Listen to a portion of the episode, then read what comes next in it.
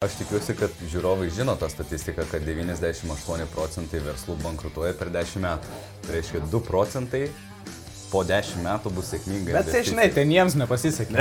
jo, jo, man tai pasisekė. Sakau, Jūs abu pasakėt kaip iš vadovėlio, ne? Geriausi verslai arba... O, be- vadinas, be- pagal mano žodžius rašoma. Pradžiai tu esi underpaid ir dirbi per daug, kažkada tu esi overpaid ir, ir gali dirbti mažiau. Tai tu tiesiog turi nu, suvokti, kad verslo pradžioj tu tikrai nu, kelis kartus daugiau dirbsi negu kitam žmogui.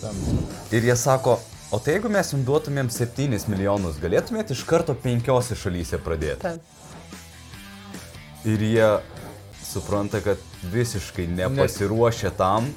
Ne problema yra pinigai ir finansavimas. Problema ir yra skailas ir galimybė verslo ateities perspektyva. Kiek didelis tas verslas gali užaukti ir Ir jie taip visi.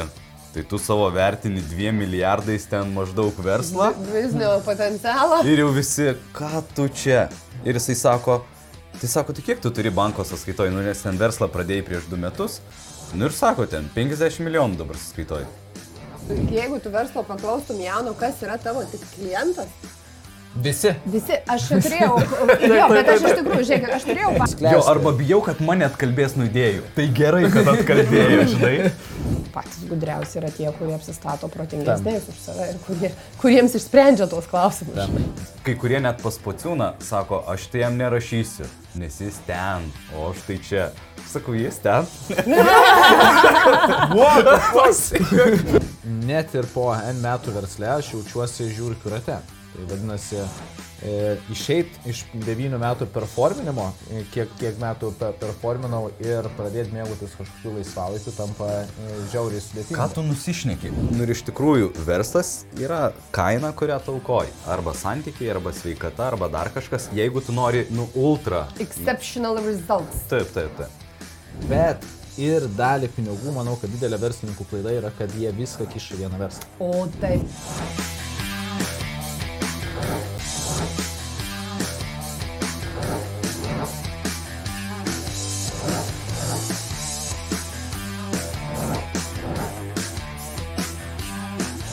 Nu ką, sveiki atvykę į naują Galpais epizodą. Šį kartą matote, mūsų sąstatas yra šiek tiek e, kitoks. Tai dėl kelių priežasčių Žilvinas yra išvykęs pamedituoti ir pakeliauti į Indiją. Nežinau, ar matėte jo storiukus, tai su tašku čia ant kaktos varinėja per šventyklas visur. E, Na, o Arnu išpuolė šiandien bedelė. Mes labai jo prašom, kad atsiųstų tą pikantišką nuotraukytę, kas nutiko jo akį, bet sakė kažkai kažkas e, su akim.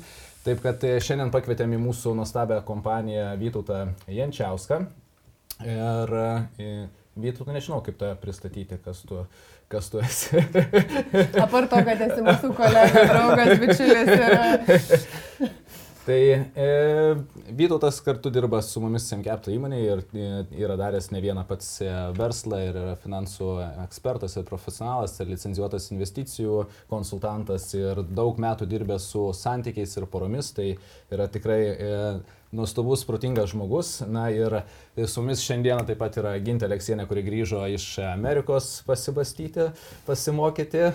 Ir žinoma, aš Gintras Paciūnas. Na ir šiandien mūsų tema, kurią daugiausiai kalbėsim, tai yra verslumas, nuo ko pradėti verslą, kadagi verslą galim jau skaityti verslu, kokių investicijų galbūt reikia į verslą ir kaip skirtingais būdais mes galim daryti verslą. Tikrai taip. Tai aš visų pirma turbūt turiu klausimą, ne? nu, nes visai faina pradėti nuo klausimo. Tai vis dėlto, jeigu mes žiūrėtumėm į verslą, nu, tai tą vadinamą private equity iš investavimo perspektyvos, ar ne? Nu, vat, pavyzdžiui, aš sugalvoju daryti verslą arba man siūlo investuoti į privatų verslą, ne? Tai kokia čia ta turto klasė ir ką, ką mums reikia žinoti apie tai, ar ne, vat, iš to investuotojo perspektyvos. ar ne? Mm. Um, aš manau, kad apskritai aš būna per seminarą į aukštą riziką dedu visą laiką ir verslą. Nes Taip. verslas, mano manimu, yra nu, e, aukšta rizika, ar tu jį vystai, e, ar tu investuoji į verslą. Ir aišku, investavimo verslai yra skirtingų būdų. Tai gali būti, tarkim, startupai. ane? Taip. Ir jeigu e, kalbėtų apie startupus, aš esu buvęs Ilija paskaitoje, jisai nemažai investuoja arba investavo į startupus ir jo vienas iš pasakymų yra, kad jeigu nori, kad startupas laimėtų, tai reikėtų investuoti bent jau į 20 skirtingų Taip. startupų. Ir Taip. tikimybė, kad kažkuris iš jų išvažiuos ir atmuštas likusias 19 failų yra visai, visai nebloga. Jeigu tu gali investuoti į 2-3 startupus, nu, tai tikėtina, kad ne, nemažas procentas, kad tu praknisi savo pinigus. Tai tu čia sakai, kad iš principo, iš principo startupai yra dar aukštesnės rizikos ne, investicija dėl to, kad e, man tenka pabendrauti su verslo angelais, tai visi iš tikrųjų tą patį sako. Ir jeigu tu, pažiūrėjau, norėtum investuoti į startupus ar ne ir prisijungti, nežinau, ten prie verslo angelų bendruomenės, ne, Tai e, visų pirma, jie visada rekomenduoja bent metus pabūti, nu, ten startupų pičiuose, nepabendrauti su kolegom, uh, tam, kad tu suprastum, kaip čia tas veikia. Bet būtent aš manau, vat, dėl tos priežasties, kurią tu ir pasakėjai. Tai yra dėl to, kad tai yra labai aukšta rizika ir ten iš 10 arba iš 21 tik tai Ta. iššauna. Ne? Tai reiškia, tu turi turėti pakankamai pakankamai resursų tam, kad eiti į šitą turto klasę Ta. kaip į investiciją. Aš tikiuosi, kad žiūrovai žino tą statistiką, kad 98 procentai verslų bankrutuoja per 10 metų. Tai reiškia 2 procentai po dešimt metų bus sėkminga. Bet, tai, žinai, ten jiems nepasisekė. jo, jo, man tai pasisekė. Statistika yra tokia, bet ten, žinai, aš pradėjau, mano idėja yra gera, Aš turiu puikiai idėją, niekas kitas to nesugalvojęs, niekur tikrai pasaulyje yra. Nes tikrai vienu metu tikrai. pasaulyje nekyla ta pati idėja bent dešimtyje galvų žmonių. Dabar apie investiciją kaip į verslą, aš manau, kad yra dvi kategorijos. Daugiausiai žmonių investuoja į verslą tada, kada jie mato, kad mano žinios, patirtis e, yra pridėtinė vertė atnešantis verslui, jisai gali aukti eksponentiškai. Ir tik labai nedidelis procentas gali investuoti į verslą, kur tik tai kapitalų investuoja. Tai jis turi arba labai būti turtingas žmogus, arba jau tada labai skaidyti riziką ir fondas va tai būtent daro. Sako, aš nesikišiu, tik tai pinigais remiu. Daugeliu atveju verslą eina iš vidinio žinojimo kažkokio noro kažką sukurti. Bet čia aš būčiau linkus pridėti, žinai, vat, kai tu sakai, kai tik tai kapitalą, nu, tai reiškia, aš įdedu savo pinigus, esu pasyvus akcininkas, nieko su ta kompanija iš principo nedarau, žinai, bet tada aš turiu turėti, nu, žinai, bet fondai, nu, kuo jie skiriasi. Nu, jie turi daugybę žinių, kaip vertinti verslą, nes įvertinti tai. verslą, verslo potencialą, nes e, sudėtingiausia versle dalis yra tas vadinamas forecastingas. Tai reiškia, prognozė, ne? prognozavimas ateities, kaip šitas verslas galėtų judėti į priekį. Tai dėl to m, mm, dažniausiai matyti taip ir yra, kad fondai tą daro, nes jie turi kompetencijas, jie gali prisimti riziką, žinai. Paprastai e, šiaip bet kuris pilietis arba žmogus, nu, pavyzdžiui, aš asmeniškai nesimčiau investuoti į verslą, kurio nesuprantu. Nu, net jeigu būčiau atsitraukęs akcininkas, ne, nu, pavyzdžiui, tik tai finansuoju, ne, verslą, ateinu tik tai su pinigais, ne, kaip investuotojas, uh, Nu, aš tikrai nesimčiau investuoti to, ko nesuprantu, nes iš tikrųjų čia yra, nu, labai, nu, tu Tu... Tai aš pažįstu Lietuvoje, kurie investuoja žmonių į verslą, vertina, tai jie visą laiką sako, kad aš investuoju ne į verslą, į žmonės. Tai Taip. Tai šiuo atveju į vadovybę, personalą, į struktūrą ir jisai turi pažinti visus šitus dalykus. Nes vienas iš keiščiausių paradoksų buvo, kada tas pats Ilija Laursas išryškino, kad Amerikoje žmonės, kurie investuoja, jie nori į gauti pelno dalį, bet nepaimti kontrolės. Ir tau, kai, jeigu tu esi įmonės savininkas, tau palieku 80 procentų, pavyzdžiui, sprendimo galios, bet pelną ten kitaip dalinamės, ne? nes aš ten kelis milijonus investuoju. Lietuvoje su lietuviškais investuotojais jie ateina ir nori perimti tavo verslą ir sako, žinai, tau 20 procentų, 30. Ir kas gaunasi? Tam likusiam nestovint darbą. Būtent. Ir tada jam, aha, Ir viskas. O investuotojas atsiranda... neturi laiko, ten būtent tam versle. Ir va toks yra paradoksas. Žiūrėčiau, tai... Žinai, tas skirtumas tarp lietuviško investuotojo ir užsienietiško investuotojo. Bet šiaip, e, man atrodo, gal kažkuriam epizodė kalbėjom Amerikoje, šiaip, na, e, nu, aišku, čia yra apie listinguojamas įmonės, kad paprastai, pavyzdžiui, Europoje listinguojamos įmonėse, nu, kotiruojamos akcijų biržose, ne, yra situacija tokia, ownershipo dalis, e, tai yra, nu, turto dalis, kurią turi, pavyzdžiui, žmonės arba dirbantys organizacijoje, arba kaip privatus asmenys, dažniausiai yra didesnė.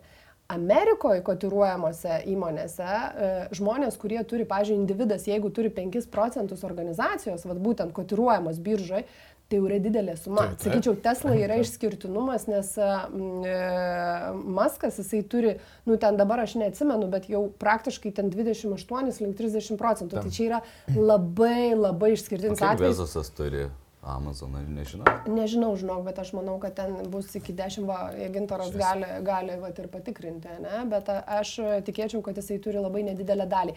Bet jisai yra laikomas tarsi to verslo savininku, su tokia maža dalim, žinai. Bet kai, žinai, kai verslas yra toks, tai nes ir maža dalis yra, nu, Taip. kažkas tokio, žinai. Tai gerai, bet čia mes šiek tiek nukrypom į tas akcijų, akcijų biržose esančias organizacijas, pakalbam apie tas privačias įmonės. 10 procentų. Nu va, 10 procentų ir tai yra labai labai daug. Nu, turint omeny rinkos kapitalizacijos įmonė 10 procentų tai man pakaktų ir procentėlio.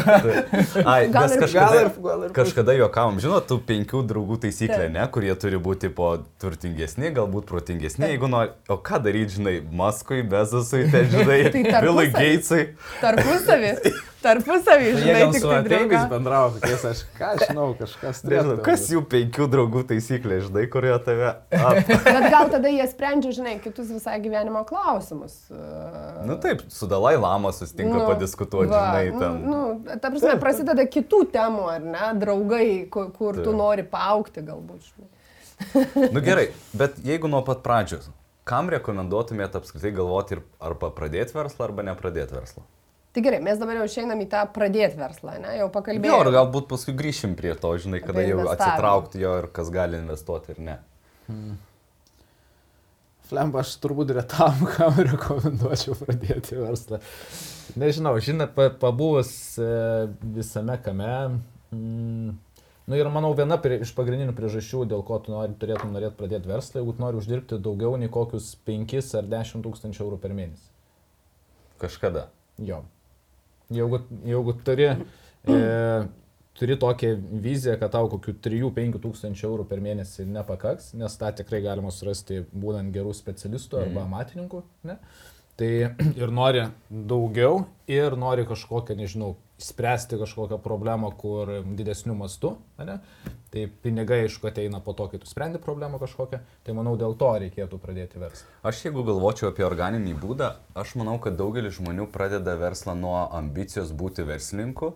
Ir man atrodo, čia ir mano iš esmės yra didelė klaida, nes kada aš augau, mano tėtis buvo verslininkas, aš stebėjau mm. kitus verslininkus ir man atrodė, jų gyvenimas yra geresnis negu kitų. Taip. Ir aš suformavau vidų identitetą, kad aš noriu būti verslininku. Taip. Bet nežinau, ką daryti kitaip, rinkos problemą ir, ir taip toliau. Ir aš atėjau iš ambicijos būti verslininku, vadovauti ir taip toliau. Ir tai, man atrodo, buvo pačių pirmų klaidų ir, ir bankrotų pagrindas. Ir aš labai rekomenduočiau kiekvienam žmogui ateiti, pavyzdžiui, jeigu jis nori būti verslininku, ateiti pas rinkos lyderį, žiūrėti, kaip jisai dirba, mokytis. Ir jeigu tu pamatai, kad rinkos lyderis nepadaro tai, kas būtina klientui, ir tu, nu, nėra kur kitur kas daro, nu, tu esi priverstas atidaryti savo įmonę ir padaryti geriau. Ir tada klientai pas tave ateis dėl to, kad tu darai išskirtinę pridėtinę vertę. Nu, tai čia yra tas, vat, e, čia yra, kaip sakau, tu, jūs abu pasakėt kaip iš vadovėlio, ne? Geriausi verslai arba... O, vadinasi, pagal mano žodžius rašoma. Net negalvoju, kad čia taip, aš protingas ant tiek. E, kad e, verslas iš esmės visų pirma turi spręsti problemą. Ne? Tai reiškia, aš kaip žmogus turiu pastebėti problemą. Ne? Vat kaip tu sakai, arba lyderiaujančios organizacijos, ne, jos neišsprendžia tos problemos, arba yra kažkokie kampai, kurių jie Ar jis nepaima. per didelis, žinai, negali adaptuotis, Taip. prisitaikyti, o tu sakai, O rinka keičiasi. komandą. Jo, Vartotojai būtent. keičiasi, Taip. poreikiai keičiasi. Aš atsimenu, tikriausiai visi žino tą posakį, kur ateina verslą dėl to, kad tipo, turėtų daugiau laisvo laiko ir daugiau pinigų ir kalbasi. Bet žiūrėk, atvirkščiai. Šiaip, Bairis, yra padaryti tyrimai. Tipo, darbuotojai visada dažniausiai būtent pradeda, vat, dar viena priežastis, kodėl žmonės pradeda verslą, tai aš nebenoriu dirbti kažkam. Mhm. Čia net nebūna apie pinigus, mhm. net ne apie verslo problemą, nes, nu, tu kalbė, ne, norėjau pradėti dėl statuso, galbūt pinigų, žinai, galbūt e, norėjau pradėti, nes problemą sprendžiau, o būna dar ta kategorija, kur, nu, užkniso dirbti kažkam, užteks lenkt nugarą, Taip. Davai noriu turėti daugiau laiko, daugiau viso kito ir einu daryti verslą. Bet yra atlikti tyrimai, kad e, žmogus, kuris anksčiau dirbdavo ten, tarkim, samdomą darbą, nu nežinau, 80 valandų, nu priklauso, ne, Europoje, tarkim, mažiau dirba, Amerikoje gerokai daugiau dirba, žinai. E, jų laimės, ta- tas vadinkim, arba pasitenkinimo gyvenimo kokybė indeksas yra žemesnis, o tų, kurie pradėjo savo verslą, ten dirba pagal individualią veiklą ar ten UAB steigia, nu nesvarbu forma, jie dirba gerokai daugiau, nu tai tam, pavyzdžiui, nuo 10 iki 15 valandų per dieną, bet jaučiasi gerokai laimingesni. Tai kai tu jauti prasme, tai tu aišku gali aukoti visus šitus dalykus ir tu jauti tą laimės pasitenkinimą. Ir aš manau, kad čia kartais ir vadovai suknisa, kada jie vadovauja darbuotojams per kontrolės prizmę arba ten baudų prizmę. Ir aišku, tada nafik tu man aiškini, kaip čia dirbti ir kiek čia dirbti. Bet yra vadovų, kurie puikiai tuos darbuotojus motivuoja, leidžia jiem kurti, savirealizuotis ir jie gali padaryti net ir toj, žinai, kito įmoniai super karjerą ir uždirbti daug. Ir tarp kitko, aš kažkada yra tokia nuostata, jeigu jau verslininkas, tai jis tarsi nekenčia arba turi kažkokią neigiamą nuostatą į tuos samdomi darbuotojai. Ir čia, ai, nu vat verslė aš galiu daugiau padaryti, uždirbti daugiau laisvo laiko ir ten taip toliau. Ir kažkas sako, ko jūs važiuojate ant tų samdomų darbuotojų, žinai, yra tikrai daug uždirbančių, netgi prezidentas yra samdomas darbuotojas. Ir aš taip vieną akimirką galvoju, akurat, nu iš tikrųjų, nu yra ir, ir gerų tokių pozicijų ir tada tik tai po savaitės susivokiau, bet palauk. Bet prezidentas po kadencijos gauna rentą iki gyvenimo galo. Tave, kai atleidžia, tai tu negauni rentos. Žinau, kai Amerikoje tave atleidžia, Europoje, pavyzdžiui, kai tave atleidžia, tai tu dar gauni bent jau Kažkokią išeitinę. taip. Kai Amerikoje tave atleidžia, tau sako, žiūrėkit, tu tai, va, susirinkit savo mundurukus. Mums, mums Taip, jūsų taip, paslaugų nebereikia. rodo, taip. štai. Viso gero. Aš turėjau vieną e, pažįstamą, kurią atleido iš bitės, tai kitur dar įspėja. O ten jinai atvažiavo, sako, šiandien čiuk, prisijungimai neveikia, viskas neveikia. čiuk. Bet, bet jie, aišku, padarė iš, išeitinę tokią, kad ir tą atidar, atidirbamą laiką tau apmokėjo ir Taip. dar plus išeitinę. Tai ten Taip. viskas legit gavosi. Sąžiningai. Jo, nu, finansinė, bet emociškai, kai tave iškikina tą pačią dieną.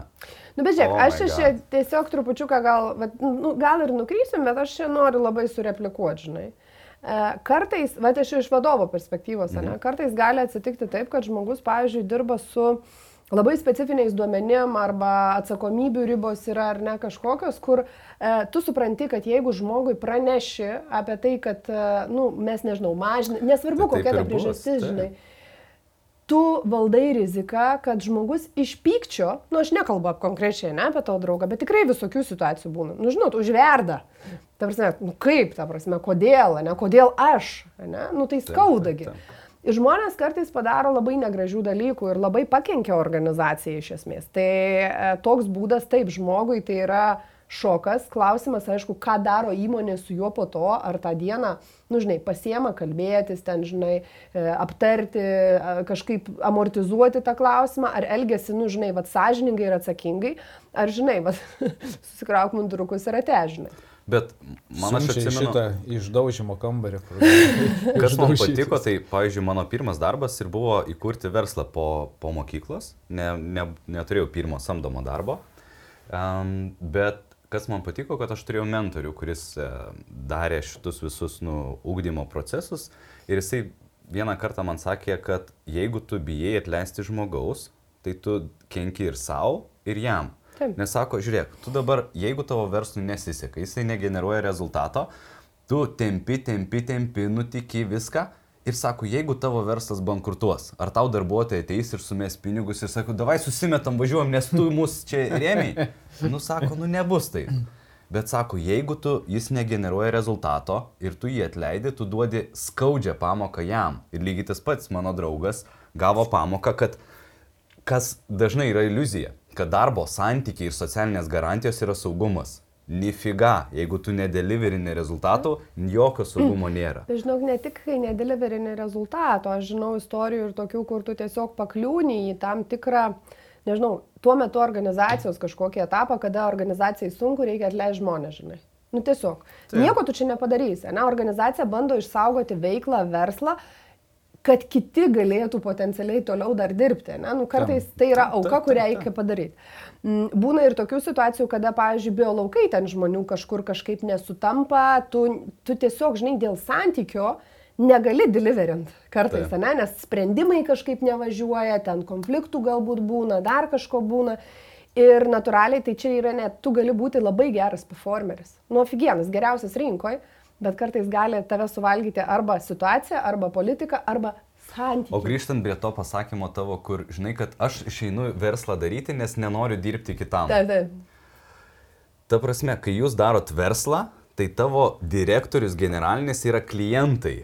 Taip. Rinka, politika, įstatymai. Ir tu lygiai taip pačiai esi priklausomas nuo visko, Nes tu turi eiti dirbti ir dėl to esi priverstas dirbti ir savaitgaliais, ir naktį, ir ten parintis prieš užmiegant. Ir tada ir... tu esi tas, kurį darbuotojai, žinai, į kurį taip, žiūrite taip. po, ai, gal Bet man čia. Daugiau tokia iliuzija, sakyčiau, nu, į, įsivaizdavimas, kad bus geriau, nors iš principo ne visada bus geriau. Bet pradžiai tai tikrai bus sunkiau ir man labai patinka tas pasakymas, kad pradžiai tu esi underpaid Taip. ir dirbi per daug, kažkada tu esi overpaid ir, ir gali dirbti mažiau. Tai tu tiesiog turi nu, suvokti, kad verslo pradžioj tu tikrai nu, kelis kartus daugiau dirbsi negu kitam žmogui. Tam. Vardan ko? Nu, vardan... Tai va čia va, tu kalbėjai apie tą pirmą. apie pirmą kalbė tą iššūkį, manau, kuris yra pradedant verslą, tai yra uh, E, pirma, suprasti, iš kokios paskatos aš tą darau, yra tas posakis called arba driven. Ne? Nu, tas called ar ne, iš pašaukimo, tai, pažiūrėjau, jeigu aš matau problemą, tikiu labai idėją, ne, nu, kad vat, gali būti rinkoje geriau, tai man atrodo, čia toks iš pašaukimo daugiau. Ne? Taip. Kartais gali būti tas vadinamas driven, ne? arba sąlygotas mano patirčių, vat, kaip tu sakėjai, ne? man visada atrodė, kad vat, verslą daryti geriau, gali atrodyti iš to, kad, nu, o kiek aš galiu dirbti kažkam, arba gali atrodyti, kad, nu, aš noriu daugiau laiko, ten pinigų ir tai prasideda. Ir turbūt ta priežastis, kodėl žmonės pradeda, gal nėra tokia svarbi klausimas, ar tu supranti, kiek tai kainuos pradinėme etape. Žinai, nu kiek tai yra informuotas sprendimas, nes laiko tikrai nebus pradžioj, pinigų finansavimo klausimai galva plėš, pasisamdžius darbuotojus, tu plėšysi galvą dėl to, kad žmonės dirba, žinai, su jais reikia dirbti, kalbėti ten, žinai, ir taip toliau, ir jie patys, nu, neteina tiesiog padaryti rezultato, žinai,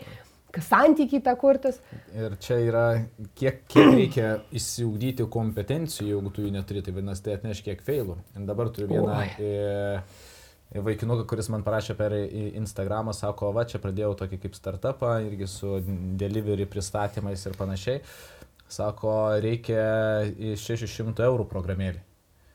Sakau, Nu, ar teis, aš tikslinus, ar teisingai supratau, 600 tūkstančių, ar 600 eurų, ar, ar 60 tūkstančių. Ar 600, 110, ko čia? Ne? nu, ta prasme, kaip. Ne, sako, 600 reikia.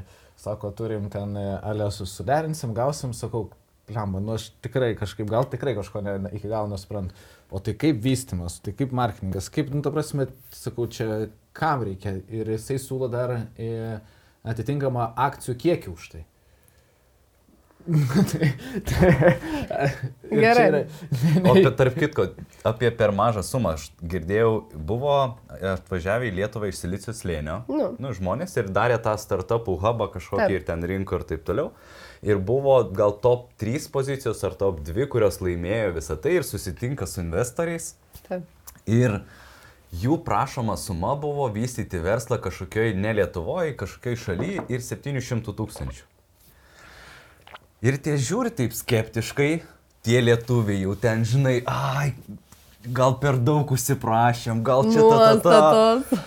Ir jie sako, o tai jeigu mes jums duotumėm 7 milijonus, galėtumėt iš karto penkiose šalyse pradėti. Taip. Ir jie supranta, kad visiškai nepasiruošę tam, sako ne, bet sako, mums per daug rizikinga vienoje šalyje, o jeigu nepais, penkios šalys, septyni lemai, važiuojam. Kiek streso, aš jau, aš net jaučiu tą stresą, kokį jie turėjo jau. Ir jie. Bet... Ne, mes nepasiruošę ir nepasirašė būtent dėl to, kad per mažą sumą Taip. prašo. Bet čia ne dėl to, kad per mažą sumą prašo. Žiūrėk, ko ieško investuotojas, investuodamas į startupą arba į privatų verslą. Skeilo. būtent, ta prasme, galimybės e, eiti tolyn, ne?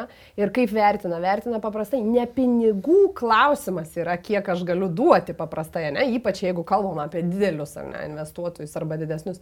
Ne problema yra pinigai ir finansavimas, problema ir yra skailas ir galimybė verslo ateities perspektyva. Kiek didelis tas verslas gali užaukti ir vad būtent, kiek aš galiu uždengti šalių, kad turėčiau pamokas ir kažkurio vis tiek gali hitint. Nu, ta prasme, ne? Mm. Tai čia toksai, pinigai ne problema, problema yra augimo perspektyva ir problema yra, žinai, skėlo rizikų valdymo perspektyva, žinai, kai, kai investuotojas. Bet koks investuoti. keistas paradoksas gyvenime, kadangi aš daug verslų turėjęs ir dafiga kartų straglinau dėl apivartinių ir pinigų, tu sėdi, trūksta užsakymų, nežinai, iš kur čia ilgas mokėsi, jau apie save nešneki. Ir kažkas ateina ir sako, rinko tai pinigų dafiga, trūksta idėjų, trūksta verslų. Tu ką, rimtai? Čia ką tik subankrotinai, žinai, dėl to. Ir paskui verslas priauga va tokią situaciją, kur iš tikrųjų generuoja ir kur investuoti. Ir kai tu susipažįsti su tai žmonėm, fondų valdytojais ir sako, žinai, mes negalim įkurti kito fondo, nes tų milijonų tiesiog neįdarbinsim. Taip, nebus kur padėti pinigo. Bet žinai, čia yra, va ir yra pirmas verslo iššūkis, ne, kai e, man, nu, nes aš visai nemažai esu susidūrusi, žinai, kai žmonės ruošiasi biznio planus kažkokius, arba va ruošiasi pitchinti, ne, mhm. ieškoti mhm. finansavimo. Tai viena iš problemų, nu, iš principo ir yra finansavimo klausimas. Ta prasme, kad žmogus, kuris pradeda verslą, galbūt neturi patirties ten biznio valdymo dar kažko, kas atsitinka, jis galvoja, žiūrėk, vad kaip čia tau rašė Nu tai programėlė kainuoja 600.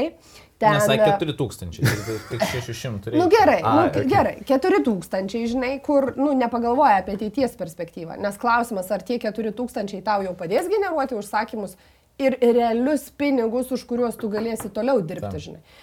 Atsiranda darbuotojai, nu ta prasme, ir, ir tu jeigu planuoji pardavimų augimą, tu turi planuoti ir viso kito augimą, Ta. ten resursų, nu kažkas turės aptarnauti tuos užsakymus, pavyzdžiui, ne kažkas turės pardavinėti galų gale ir, ir panašiai, žinai.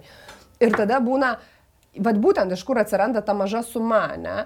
Tai viena perspektyva, kurią tu pasakai, yra, mes bijom paprašyti daugiau, nes mums atrodo čia didžiuliai pinigai. Nu, iš mūsų perspektyvos. Ta. Bet kita pusė yra, kad jie, žmonės nedasivertina, kiek čia tų reikės pinigų dviejų ten metų. Bet tai kaip jie gali dasverti, jeigu jie niekada to nedarė? Buvo. Tai va būtent, tai, tai va čia va vienas, tai va čia, tai mes vieną turim labai aišku iššūkį, ne? Tai yra verslo finansavimo klausimas. Ar aš įsivertinau, kiek man babkių reikės, ar aš paplanavau, paprognozavau savo veiklą, kaip tai galėtų atrodyti ir, nu, žinai, leidau savo daugiau pagalvot. Taip. Ir ar aš žinau, iš kur aš paimsiu tuos pinigus. Nu, Taip. principė, ne? Ar aš juos turiu. Taip. Čia aš turėjau dar kitą, kitą situaciją irgi prieš pusę metų irgi parašė per Instagramą dėl investicijos ir visai nebloga idėja ir galima ją vystyti, turi nemažai rizikų, bet e, žmogus nori šimto, šimto štukų. Nu, tai šitas jau mokėjo paprašyti, mhm. nori šimto štukų. Kad šimto štukų duoti jam e, iš karto, nes jis, jis įsivaizdavo, kad e, gauna šimto štukų ir tada, tada vysto. Bet šimto štukų pačioj pradžioj nereikia, mes galime įsimėginti ten su keliais produktais vienoje rinkoje ir taip toliau, tai sakau, mėginam, duodam tau 5K, tada jeigu reikia injekcijom, nu ten 10, taip, 15 taip. ir pildom. Nu, numatai finansavimo taip. planą. Laikotarpį. Tai sakau, pasirašyk tau, pasirašyk visą planą, kada, kiek tų pinigų reikia, ką tu darysi tais pinigais, kur tu juos išleisi, kada reikės naujos injekcijos ir taip toliau ir taip toliau. Ai, nu sako, tai aš tiesiog noriu 100K ir aš tada padarysiu. Sakau, nu taip, nu nevyks. Tipo, duok man babkės, o tada aš jau padarysiu. O jūs matėte tą šarką ar kokis ten projektas, kur ateina? E, žinau, žinau. Kur pičint ateina, aš... sėdi tie ale rykliai verslo ir man tai ten žiauriai man įdomai. Jo, kai kartais ateina nedėkočiai, o kažkada sako, žinai, aš noriu milijoną ir mainais duosiu ten 2 procentus. Ir jie taip visi. Tai tu savo vertini dviem milijardais ten maždaug verslą. Biznio potencialą. Ir jau visi, ką tu čia? Ir jisai sako, tai sako, tai kiek tu turi banko sąskaitoj, nu nes ten verslą pradėjai prieš du metus. Nu ir sako, ten 50 milijonų dabar sąskaitoj. Tai kaip čia žinai? Sako, nu va, pradėjom, ten šovėm ir visi, aš in, žinai, aš noriu. Kur atvirkščiai negu įprastai būna pervertina žmonės, o čia žmogus atėjo su įspūdingais rezultatais Ir vat kaip tik norėjau O paklausti. ką jam reikėjo, babkių? Ne, va čia įdomu man. Bet jam tai ne babkių reikėjo, jam reikėjo you know Well, how. well, Jo, aš sako, noriu skailinti į pasaulį, jūs turite, žinai, savo verslus išskailintus ir man, čia, žinai, tiesiog. Okay. Jo, ir va tada atrodo, jūs šiauriai smart. Ir kaip manot, verslo sėkmiai, verslo plano rašymas, jisai turi įtakos ar ne? Kiek Pats- sėkmingų verslų nuo manau, to kad- prasidėjo? Aš manau, kad pats verslo plano rašymas kaip toksai, jis gal uh, nėra kaip success faktorius, ne, nu sėkmės, kad jau viskas, ne, pasirašysiu verslo planiuką, padarysiu dešimtukų, žinai, ir ovus. Ne, tai tas nebus, bet manau, kad verslo plano darimas arba bent jau vadovavimasis kažkokiam gairiam, nu bent jau, žinai, suvokimas ten, biznio idėjos apsibrėžimas, ne? Tai o ką aš darau, kokią problemą sprendžiu? Nu, elementarus panaudojimas ten to vadinamo business model canvas, ne? Nu, tipo, kas mano yra vertės pasiūlymas? Kas yra mano klientas? E, Kaip aš su savo klientu palaikysiu ryšį? Kaip aš onboardinsiu naujus klientus? Tu nori pasakyti kaip mokymosi platforma. ta Taip. Prasme, kad tu pats savo atsakai reikšmingus klausimus. Taip, dėl bent jau turi klausimus prieš akis, nes dažniausiai net nebūna pagalvoję apie tos. Esate status, kur iš, išvystų verslą, jau padaro, jau ten atidaro. Aha, apie šitą nebuvau pagalvojęs. O, o iš ko reikės babkės? O O iš kur aš kaip gausiu? čia tie Kaip aš dabar reklamuosiu visą tai? Net, ne, čia reikės pinigų tam. O tarp kitko, um, Marius Jovaiša yra vienas daugiausiai, man atrodo, knygų pardavęs Lietuvoje. Man atrodo, jis top dvi pozicijos yra pas Beta Nikolson ir pas e, Marius su Neregėta Lietuva. Ir kažkada jisai pasakojo apie savo verslo sėkmės ir nesėkmės. Ir vad klausė, sako, tai rašiai verslo planą. Sako, Hebra, jeigu būčiau rašęs verslo planą, aš būčiau pats save atkalbėjęs nuo šitos idėjos. Ten sako, tiek nežinomųjų, tiek raudonuotų, tiek nuostolio. Bet yra du etapai. Vienas, kai žmogus ateina į verslą brandus, kurio intuicija veikia ir visus atsakymus jis žino, jam kartais nereikia, jis eina ir padaro. Bet kai ateina jaunas žmogus Taip. ir jeigu jisai eina iš savo vat, pašaukimo, tegul jis eina. Bet jeigu jis nori papasakot kitam, apie ką verslas, tai be verslo plano tu nu, nesugebėsi. Nieko. Ir šiaip labai gerai netgi pasitreniruoti. Žiūrėkit, Taip, aš taip. netgi sakyčiau taip, kad visai, vad kai tu sakai, investicijos nepritrauksi, labai geras būdas pasitreniruoti ir pasitikrinti savo idėją ir biznio ten modelį ir ta, ta, ta, nueiti papičinti, tai yra padaryti pristatymą potencialiem investuotojams. Arba žmonėm, kurie uh, investuoja į biznius, arba ten daro verslus, arba ten pas kažkokią organizaciją rinkoje veikiančią. Nes beje, ko žmonės kartais nepagalvoja. Pavyzdžiui, ne, va, tu irgi tą gerą mintį paėmė. Yra didelė veikianti organizacija, pavyzdžiui. Ne, ir mes matom, kad jos paslaugos nu, netitinka. Aš matau va, skylę. O kodėl nepadaryti biznio plano? Žmonės, aišku, bijo. Nu, vat, nueiti papičinti tą organizaciją, nes iš principo tokios organizacijos irgi linkia investuoti. Taip. Nu ir finansuoti ir sakyti, okei, okay, tai darom jungtinę kažkokią veiklą.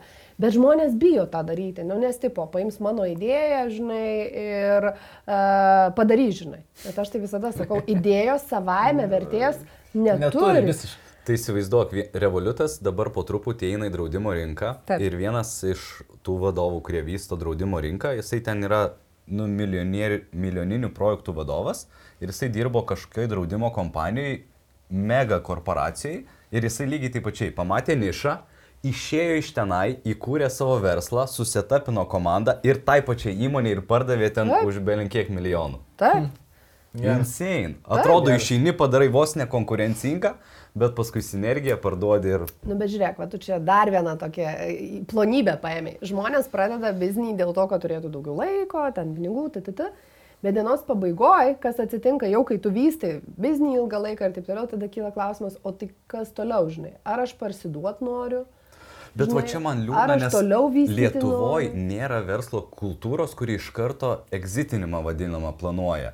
Tu čia kuri daugiau amatą, nes Lietuvoje tu net negali pamatuoti, kiek verslas vertas, čia nevyksta tų sandorių ir Bet taip su egz, toliau. egzitinimu. Gali pamatuoti, bet, Bet Amerikoje yra visai kita mindsetas. Tu verslą kuri, okei, okay, aš susitapinu, egzitinu. Aš manau, kad Amerikoje tiesiog yra masė didesnė koncentruota ir iš tos Būtent. masės yra tas skaičius, Bet kurie selinasi. Lietuvoje mes paimtume turbūt panašus kiekis biznių selinasi. Procentuoti. Procentuoti. Nu, tai Bet taip. aš biškiai apie Ameriką, ne? Žiūrėkit, man apskritai Ameriko skiriasi, nu, Lietuva, žiūrėkit, mūsų istorija kokia yra, ne? Ta prasme, Sovietų sąjunga, mūsų mindsetas. 40 tėvų, žalgerio tai- tai- mušis buvo.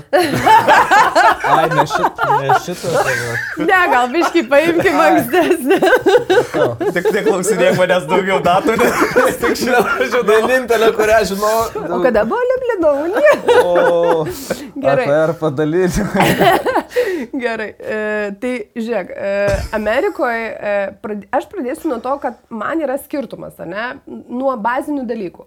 E, Europoje mes turim daug socialinių garantijų, sveikatos apsaugą ir TTT ir bla bla bla. Ne? Mes labai aiškiai žinom, kaip ten įvyksta mokesčių atskaitimai, pavyzdžiui, daug santykiuose ir panašiai. Amerikoje pats žmogus santykinai yra kaip, nu, toks vienetas, kur tau reikia, pavyzdžiui, ten e, mokesčių konsultanto, nes dėl tavo kažkokių pirkimų, nepirkimų kaip fizinio asmens, tu gali turėti ten tax deductions, ta prasme, kažkokias nuolaidas, ne, mokesčiam, ne?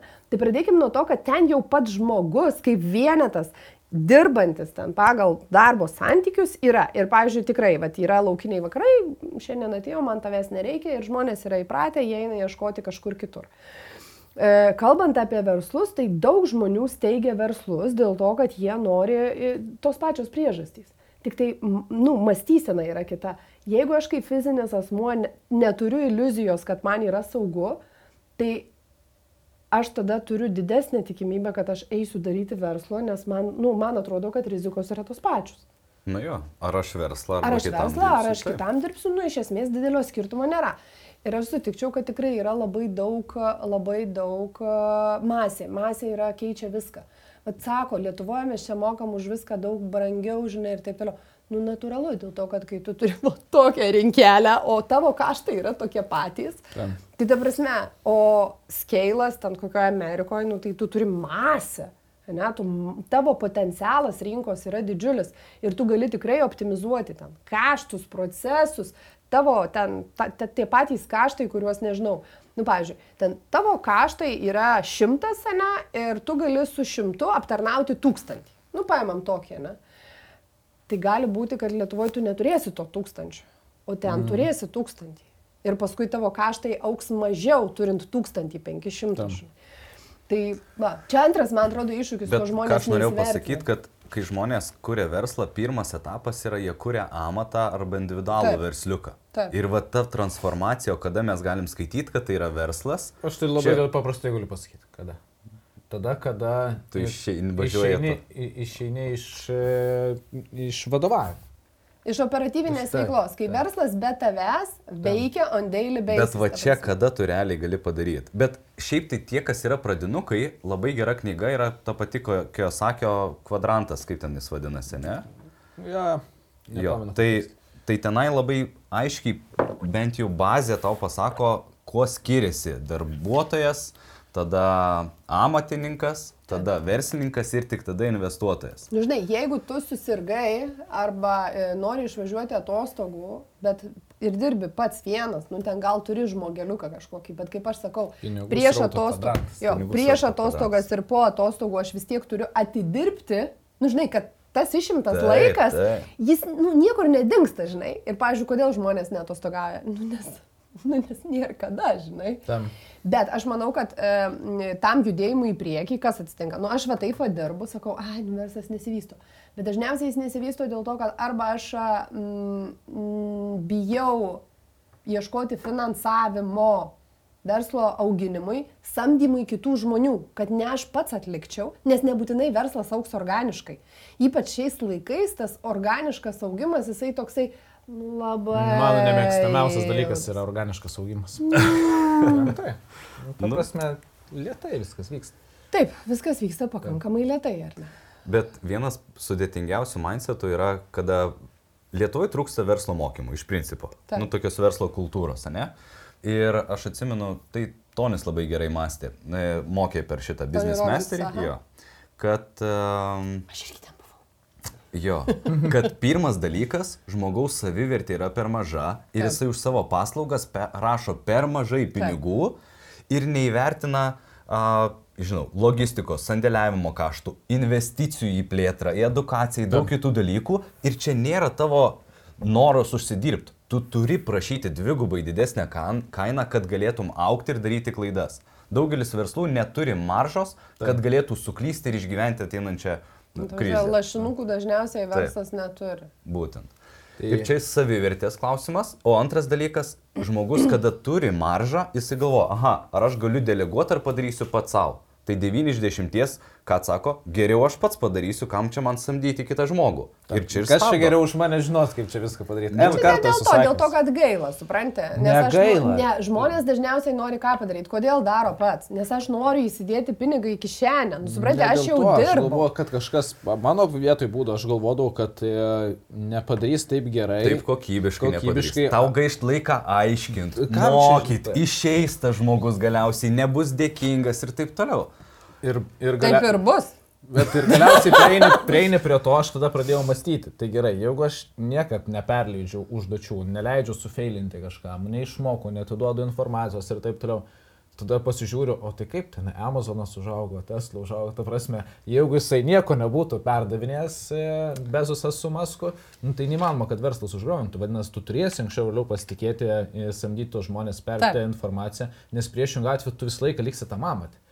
Turi rizikuoti, ne? Taip. Tai žiūrėk, man atrodo, kad verslo darimas yra rizikavimas. Šiaip iš tikrųjų tas pačias problemas išgyvena ir pradedantys vadovai, ne? Va, žmogus tapo vadovu organizacijoje ir tada jis iš specialisto vis tiek dirba pats. Turi va komandą, ne, bet dalį darbų dirba pats. O ne, ne toks darbas yra vadovo iš principo. Ne pačiam reikia viską daryti, ne? Galbūt yra kažkokie dalykai, bet tu per žmonės turi tą daryti. Tam. Tai čia, žinai, ne tik verslininko problema, daugumos vadovų problema. Bet man atrodo, dabar, kodėl verslai tai pradėjo aukti ir net jauni žmonės pasidarė labai turtingi dėl to, kad ateina nauja karta, kada tu daug resursų outsourcini ir Taip. neprisimi fiksuotų kaštų.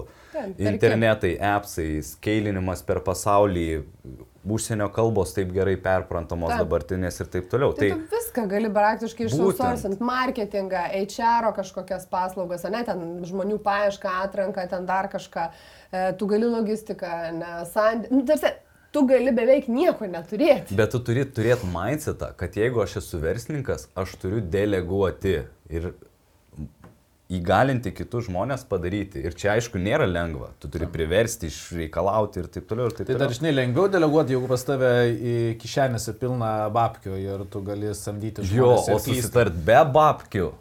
Ten. Nu, bet dėl to turbūt ir kalbam, kad verslas yra didžiausia investicija rizikos prasme, ne? Nu, ta prasme, viršų yra. Todėl, kad tu turėsi arba savo babkės įdėti, arba kažkieno kito babkės įdėti. Tam. Nu ir ką tai reiškia? Tai reiškia, kad gali ir nepait. Tam. Tai, nu kiek tie 9-8 procentai. Tik nėra, 9. Nėra daug. Nėra daug. kad tam Tarp kitko, aš prisiminiau apie tą pičinimą, kad vat, rekomenduotina išeiti ir Taip. papičinti. Arba pradžioje, arba Taip, bet kuriai stadijai. Ir man ugdant e, pardavėjus, aš kartais stingu tokių veiklų, kad jie išeitų iš komforto zonos. Žinai, vat, ką turi padaryti. Ir man atrodo, verslininkui išeiti ir pičinti ir gauti tuos kritinius klausimus, kur tu Taip. nežinai, tave suvarto. Ne, ne, ne. Tikrai nei vieno nėra sėkmingo verslo, kur atėjo akcininkas, o, imu. Visi susiduria su rejection, tuo vadinamu, fear of Nu, rejection. tai jeigu, aš, nu, jeigu tu manęs prašai pinigų, čia kaip ir įmonėse būna, yra ribotas pinigų kiekis. Tai aš ir kaip investuotojas turiu ribotą pinigų kiekį. Aš turiu išsirinkti, investuoti ten, kur didžiausia tikimybė bus, nu, kažkokios success, gražos, projektuose šiuo atveju, ne, naudos įmoniai ir vėliau gražos. Tai, ta prasme, normalu, kad aš turiu tave challenge'int. Tu turi man atsakyti milijoną klausimų. O kaip tu darysi, jeigu bus tas? O kaip tu darysi? O ar pagalvoji apie šitą vietą? O ar tikrai idėja čia tokia unikali? Ne? O kodėl šita idėja, žinai? O kaip tu, o kaip tu plėsiesi, ne? o kokia perspektyva, o ką po to norėsi daryti? Ar tu norėsi, kad mes kaip akcininkai pasiliktumėm, ar ne? Nes tu čia dar nepamiršk vieno dalyko. Tu gali parduoti dalį akcijų ir gauti finansavimo dalį, bet iš principo, tai žiūrėk, dabar tu esi, pažiūrėjau, imkim UAB, gerai? Nu, vat, UAB, trys paršeliai. Ne? O trys berželiai gali būti? Gali būti ir trys berželiai, ir trys liepaitės. Aš ateinu pas jūs du ir sakau, žiūrėk, aš turiu biznį, viskas čia yra gerai, žinai, norim skailintis, reikia X sumos pinigų. Bet dabar žiūrėkit, nepagalvoja vieno dalyko žmonės. Tai forma, kaip jūs man duosit pinigus. Ne? Jūs sakot, mums reikėtų ten, nežinau, 100 tūkstančių, akcijų kiekis yra toks. Bet realiai tai kas atsitinka? Aš kaip fizinis asmuo, kaip akcininkas, parduodu dalį pinigų. Tarsi parduodu akcijas ir gaunu pinigus. Į įmonę tie pinigai tai nenueina. Ne, tai čia nuo formos priklauso. Jo, bet žiūrėk, tai bet aš ir noriu pašnekėti apie tą formą, ne? nes man atrodo irgi, jeigu aš pradėjau, pra, bet tiem patiem klausytojam, ne? jeigu jis nori žmogus pradėti biznį, ne, jam reikės pinigų, ne? reikia pagalvoti apie tą dalį. Tai viena yra dalis formalumas akcijų netidavimo, jeigu yra klausimas apie akcijas, kita yra skola. Dažniausiai bus suteikiama paskola organizacijai. Mhm. Nu, tai čia yra toks klasikinis, ne variantas. Ne, man atrodo, emisija išleidžiama ir įstatinis kapitalas yra didinamas. Taip, dar vienas variantas yra įstatinio kapitalo didinimas ir uh, didesnė šita emisija. Bet uh, tu supranti, kaip yra akcijas parduodant privačiam versle į įmonę nenueina nei, nei vienas centas. Taip, taip, taip. Ne? Nebent vat, yra per įstatinio kapitalo didinimą. Ne? Tai reiškia, kad mes suskaidom, jie perka kažkokią dalį, tai yra e, akcijų ir tuo pačiu turi didinti įstatymą. Bet ir kiek kapitalą. čia yra Bet daug kas schemų, nenori. Tu įsivaizduoji, vien, vieni lietuviai verslininkai tikrai istoriją pardavė a, didino įstatinį kapitalą ir natūralu, tai jeigu, žinai, mes pradėjom ten nuo 10 tūkstančių kaip klasikinis ir tu įlėjai ten 100 tūkstančių, Taip. tai tavo nauja akcijų emisija bus tokiu pačiu santykiu. Ir paskui tas akcininkų susirinkimas po dviejų ar po penkių metų nusprendžia dar didinti. Taip, ir tada išmeta. Jo, ir tavo, aš neturiu ką įlieti. Tai gerai, tai išleidžiam dar emisiją. Ir tavo tik, tik, tik, tik, tik, tik. Taip, traukiasi dalis. Ir taip tiesiog išmeta. Taip, taip, taip. Nu, nebus taip, kad visiškai išmes, bet tavo dalis bus ant tiek. Nu, bet čia lietuviškų, vat, mindsetą, žinai, aš nupirkau, aš auninu, valdau ir taip toliau. Nu va, čia ir žmonės labai... Bet aišku, ir Amerikoje pilna tokių, nu čia... Manau, kad... Fraudų ten ir visų kitų. O, tai tų... nekalbėkime apie schemą, nes ten to schemo variantų. Bet kodėl aš norėjau sakyti, visi ja, labai bijo legit. schemo. Visi bijo schemo. Dėl to dažnu atveju būna pasirenka netgi paskolos variantą. Nu, tipo, žinai, Taip. su procentuotė. Nu, aišku, tikimybė ten ją atgauti irgi labai maža, bet kai tu jau didini kapitalą, tai tu įdėjai pinigus į kompaniją ir viskas, įdėjai, žinai. O visi būna kartais, vad lietuviškai, nes jie tokie, žinai, guodų sako, nu gerai, gerai, mes duosim babkių, bet duosim paskolą. Žinai, su pračiančiukais normaliai, žinai. Ir e, čia, vad, siūlau visiems įsivertinti, ar negeriau yra ieškoti ten kokių nors verslo programų, ten kokios nors verslo investicijų agentūroje programų, ar ten žiūrėti per invegą galimybių ten po to ir e, palūkanas ar nedengtis, nes iš banko nu, sunkiau galbūt bus gauti, yra alternatyvių finansuotojų, ten kokie kaip e, Heavy Finance ten ir taip toliau, ar ne, kurie iš esmės su didelėm palūkanom, vertindami savo riziką, tau gali paskolinti pinigų. Bet yra ir programų, dėl to, kad tas yra Europos ekonominio, kaip tenai vadinasi, ekonominio uh, gyvybingumo fondas, kažkaip taip vadinasi jisai, ir e, Lietuvoje nu, yra dalis pinigų, kur yra skiriama būtent ekonomikos tam aktyvumui, skatinti tikrai būna, bet čia reikia researcho daryti, žinai. Nes turiu omeny, kad finansavimas tai yra ne tik tai iš potencialiai kitų žmonių ir investuotojų. Ir visai verta pagalvoti, nes yra kas duoda pinigus ir duoda paskolas ir netgi vat, per invegą tu gali palūkanas, ta prasme, dengtis. Ne? Tai e, tą irgi reikia įsivertinti. Bet, Paieška pavyzdžiui... finansavimo yra reikalų. Ai, žinot, Bairis, žinot, kas yra pirminiai dažniausiai investuotojai? Yra 3F angliškai. Kaip manot, kas tai yra? Žinom šitą. Nu, davai. Nežinau. Friends. Friends. Family. Family and, and fools. dažniausiai čia yra pirmas ratas, tada jau, žinai, eina dažniausiai ieškoti toliau kažkokių investuotojų, dar kažko, bet aš sakau, nu, net meskim galimybės, yra tų įrankių.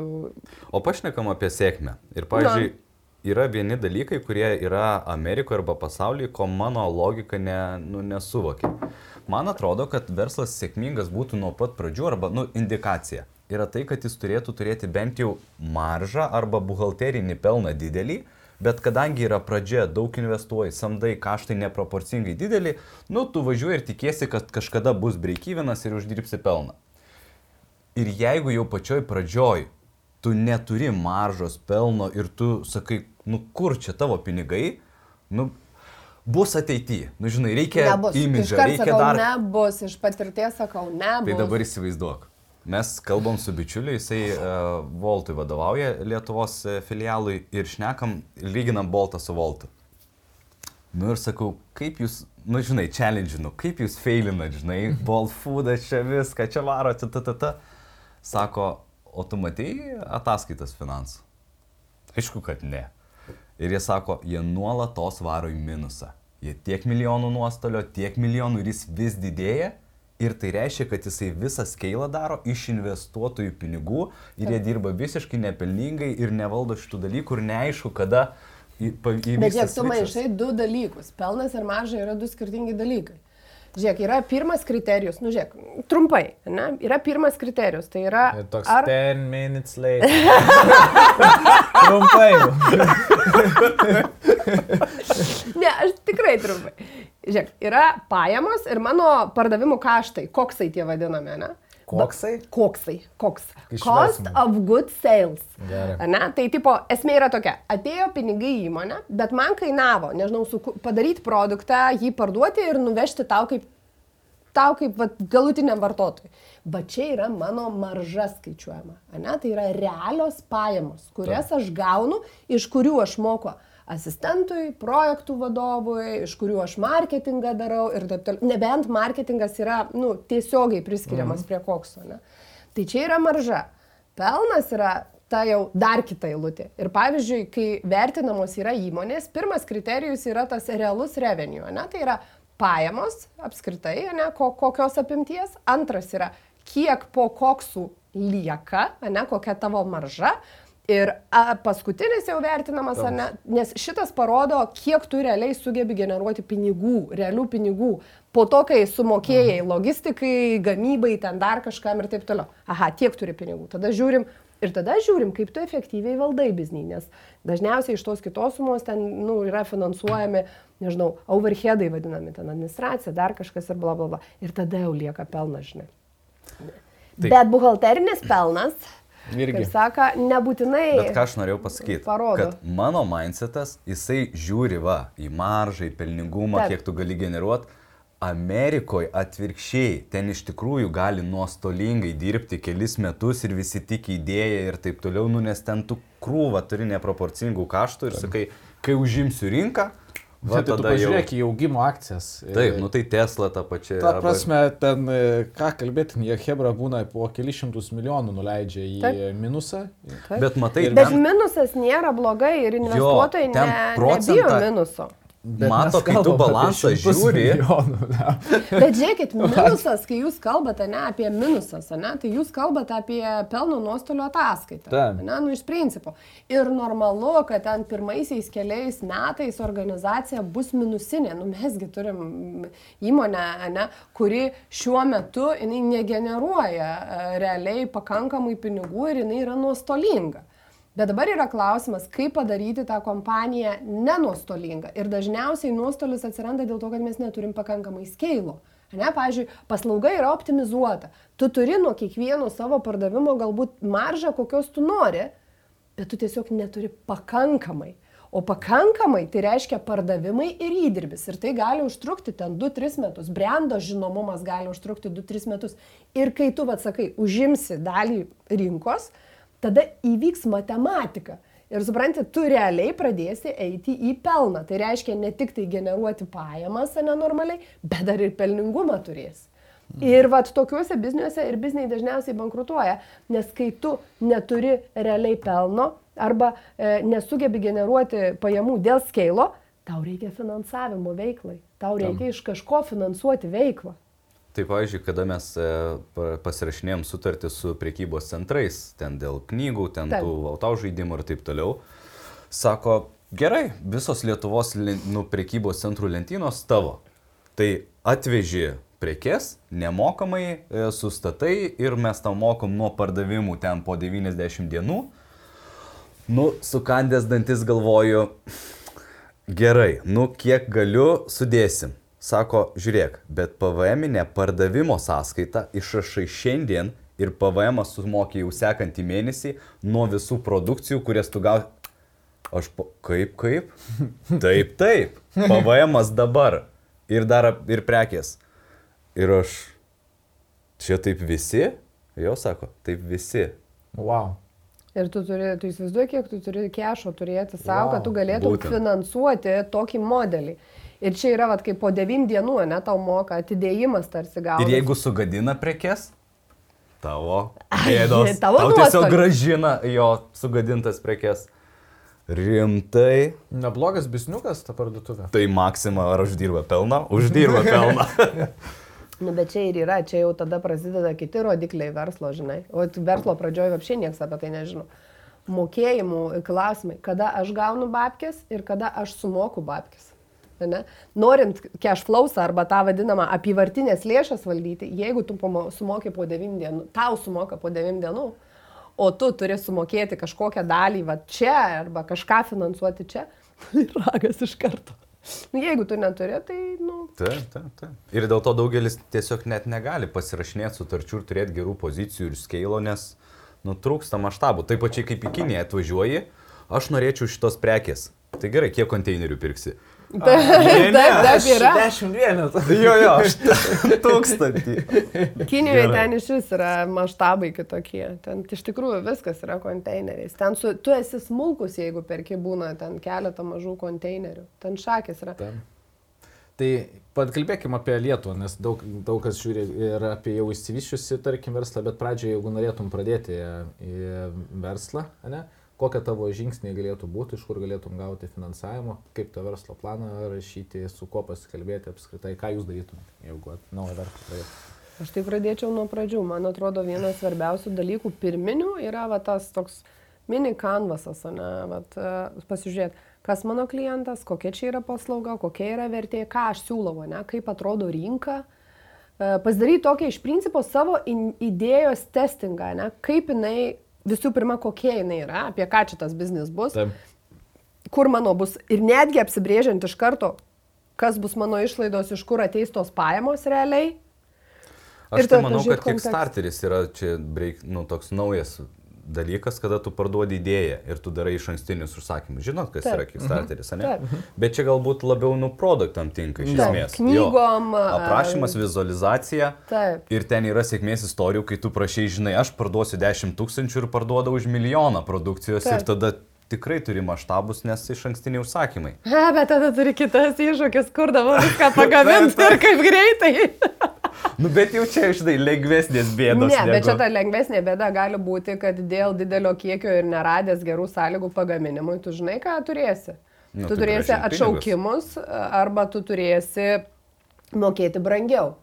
Ir tada tavo marža iš karto, žinai, opa, bet, na, nu, aišku, prie tokio maštabų gal pavyks Taip, išlaikyti taip, taip. kažkokią sumą. Čia jau turtingų, žinai, problemos.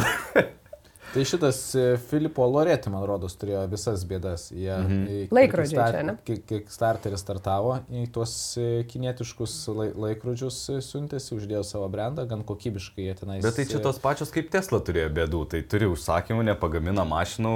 Taip. žinai, vėl. Čia turtingų bėdų. Darė ati, atidėlė, atidėliojimą ir darė nuolaidas. Taip, taip. Nu, o ką tu darytum? Nu tai vėlgi reikia žiūrėti, ar paslauga, ar, ar produktas. Aš daryčiau vėlgi iš ankstinius užsakymus. Jeigu ten paslauga, tai testinės grupės, atsiliepimai. Bet marketingas ir pardavimai yra pirmas dalykas. Tu turi parduoti savo idėją. Ir jeigu jie perka jau teoriniam lygmenį, nu tai pačiai kaip, žinai, namą. Tu pasidarai projektą ir jeigu jis geras, geroj vietoje jį nuperka iš... Iš, iš, Iš brėžinukų. Iš brėžiniukų, jo. Ir tada tu ir dar avansų sumoka ir tu turi išsikredi, išsikreditavimą įsivažiavimą. Orą Tai- nusipirki. Taip.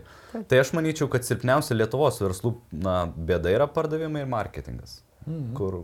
Ir tarp kitko, dėl... Kaip samdymo- pasiekti savo klientą, tai kad dažniausiai, jeigu tu verslo paklaustum jauno, kas yra tavo tik klientas, Visi. visi, aš turėjau, jo, bet aš iš tikrųjų, žiūrėk, aš turėjau patirtį, juk mergiai, bet spiečius, ne, ten verslumo inkubatorius, ir mes kalbėjome su tais dalyviais ir aš klausiu, sakau, tai kas yra tavo klientas, nusako visi, sakau, bet taip neina, tu turi ribotą kiekį pinigų marketingui, kažkokiam, arba savo kliento pasiekimui, kažkokiu būdu.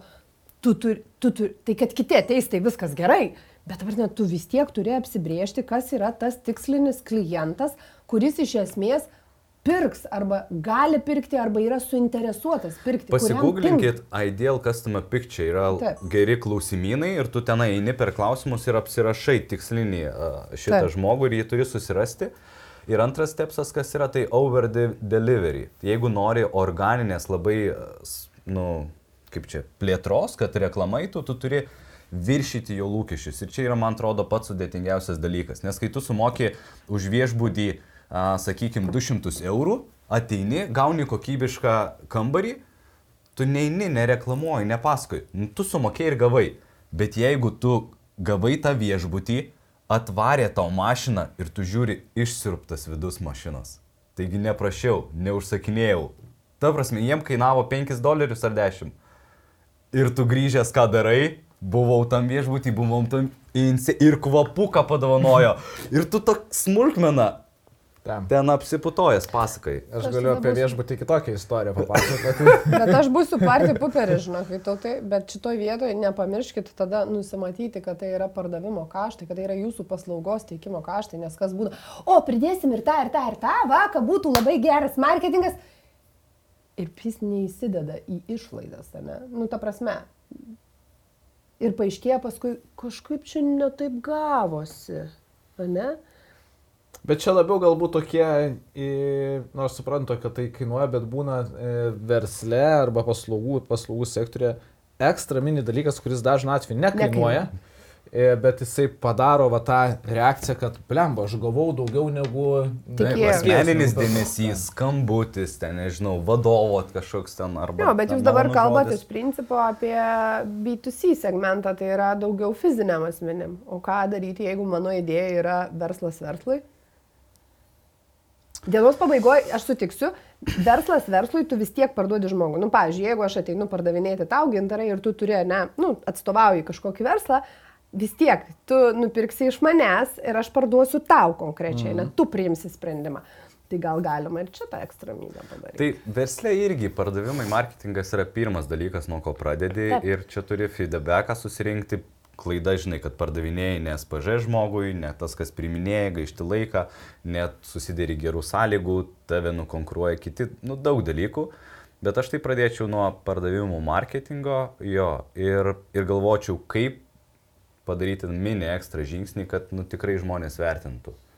Ir, nu, aš tai pradėčiau apskritai na, nuo visų pirma negalvojimo, kaip e, užkalti babkas arba kiek babkų Jo. užka, užkals e, man tas verslas, bet ar tikrai tas dalykas, ką aš kuriu, sprendžia idėją. Nes kad man sprendžia ir aš sugalvoju, kad o čia zaibys idėja ir čia turi važiuoti, tai nereiškia, kad žmonės galvoja taip pat. Taip. Ir pasikalbėti, nu, kaip žmonės bijo ten įsakyti tą savo idėją, būna, ai čia pavoks, niekas nepavoks jūsų tų idėjų, čia ne, ne, neįmanoma to, to dalyko padaryti.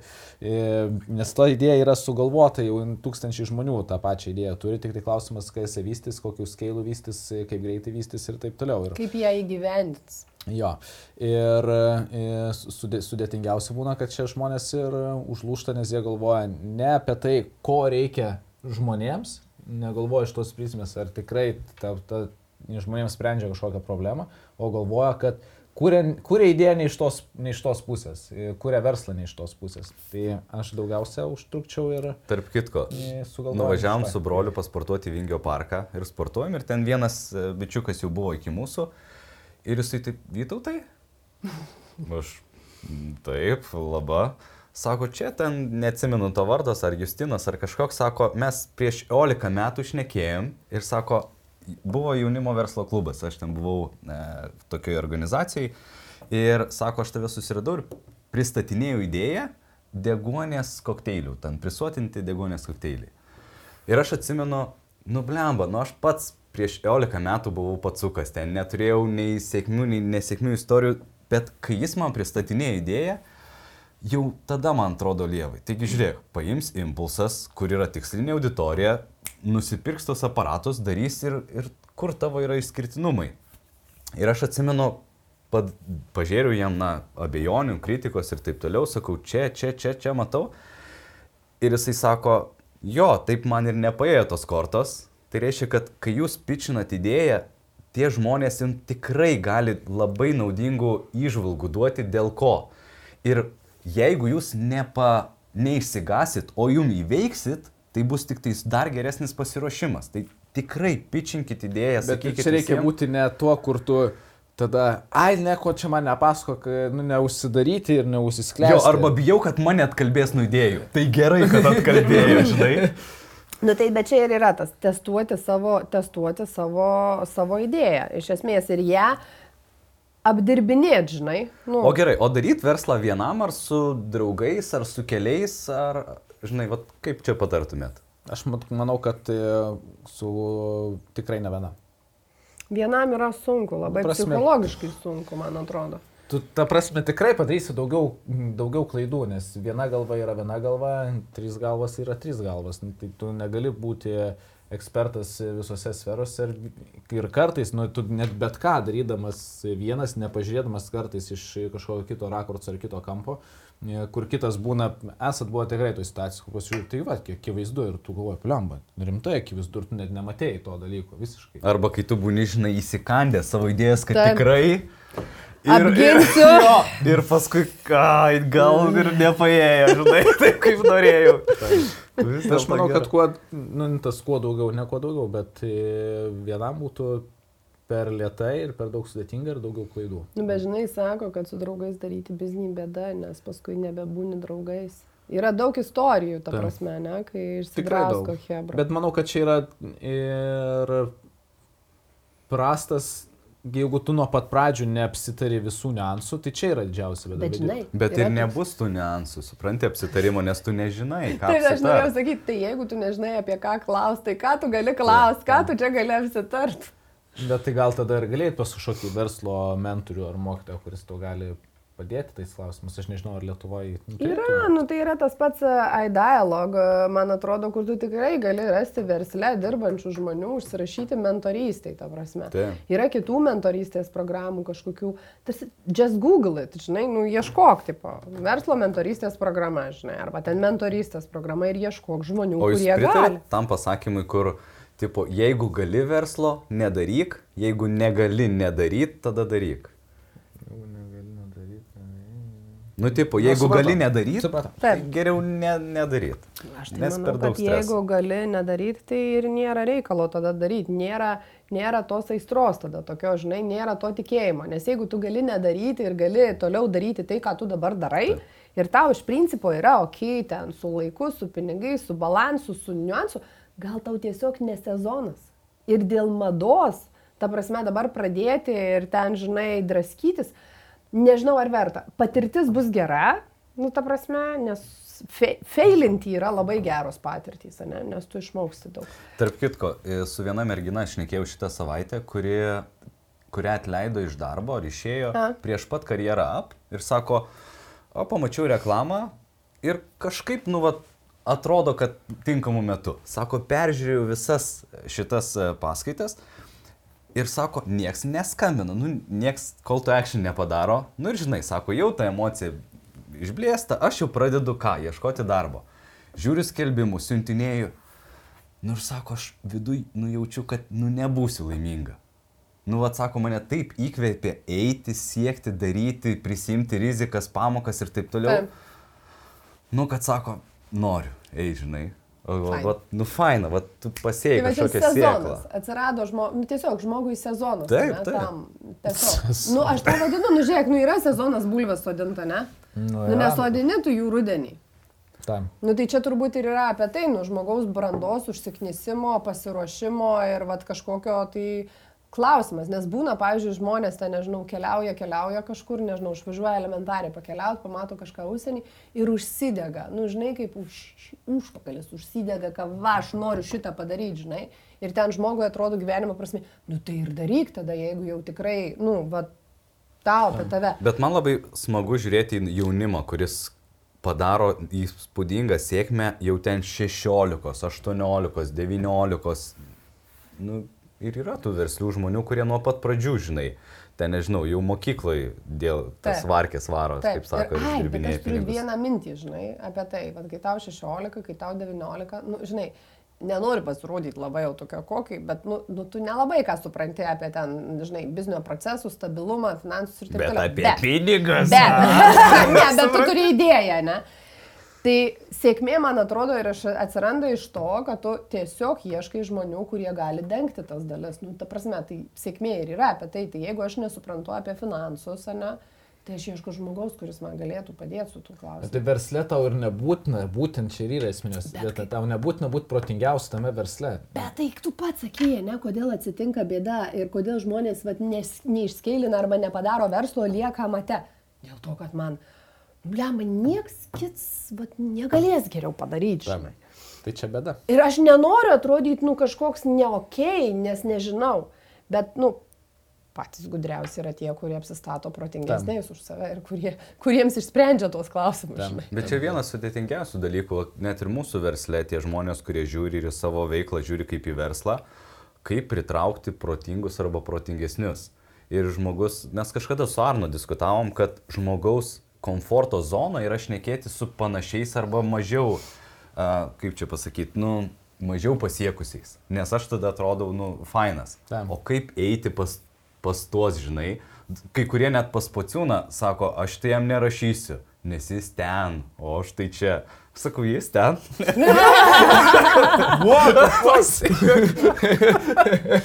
Bet būna yra, taip žmonės tikrai kartais neteina, neparašo, nors tu, na, nu, iš principo tikrai tikėtina sutiktum, galėtum. Bet, Tai ir be abejonės. Bet, čia ir žinai, bet vėl, dabar žiūrėk, nu, nenupieškim rožinių svajonių, ne? Kai žmogus parašo belę ką ir belę kaip, nu, tau pavyzdžiui. Man būna, aš kartais gaunu tokių, a galėtumėte ten pakonsultuoti ir ten, ta, ta, ta, Turiu du klausimus. ta prasme, arba jo, arba turiu du klausimus, ką daryti jeigu. Tu prasme, o mes... Kas čia vienas, vienas, du? Bet, bet žiūrėk, bet, nu, norisi, kad žmonės tada nu, normaliai ateitų į kontaktą, į komunikaciją, prašytų ten, žinai, apie ką aš, žinai, ką aš darau, žinai, kodėl aš Į kreipiuosi. situaciją vestų, kad tu galėtum galų galę. Bet žiūrėk, net mentoriaus paieška yra toks subtilus dalykas, nes tu prisistat- prisistatai, susitinki ir nėra vaibo. Nes dažniausiai mentorius padeda jam nemokamai kodėl. Kaip manot? Neįsivaizduoju. Mento... Milijonieriai, sakykim, tu padeda kažkam for free. Kodėl? aš žinau, kodėl aš mentoriauju. Mhm. Ne, dėl to, kad a, man faina matyti, kaip žmonėm tai, ką aš žinau, padeda siekti jų tikslų. Man faina, nu tiesiog, nes aš žinau, žinai, aš storą pasidarysiu, jeigu savo žinias laikysiu savo, ne? Nu, čia tiesiog mano toks įsitikinimas, aš nenoriu būti stora. Nu, tai čia ir šoviai palyginimai. Žinai, nu tai tu daliniesi. Bet jo, bet vienas svarbus dalykas. Man norisi, kad su žmogum e, sueitų vaibas, nes sėkminga mentorystė būna tada, kai vaibas sueina, ne? kai mes turim kažkokių tokių biolaukai sueina. Nes aš esu turėjus e, mentorystę su žmogum, kuris, e, nu kur man, nu, aš apie tiltus, jis apie miltus, nu mes nesusišnekam, suprantate. Man tai kainavo daugiau resursų, žinai. Ir aš nuo tada sakiau, ne, vis dėlto turi įvykti tas, nu, atklikas, nes tada, nes tada aš galiu pasakot, žmogus turi norėti ir jisai, kai nori, tu pasakoji, jis kažką pritaiko savaip.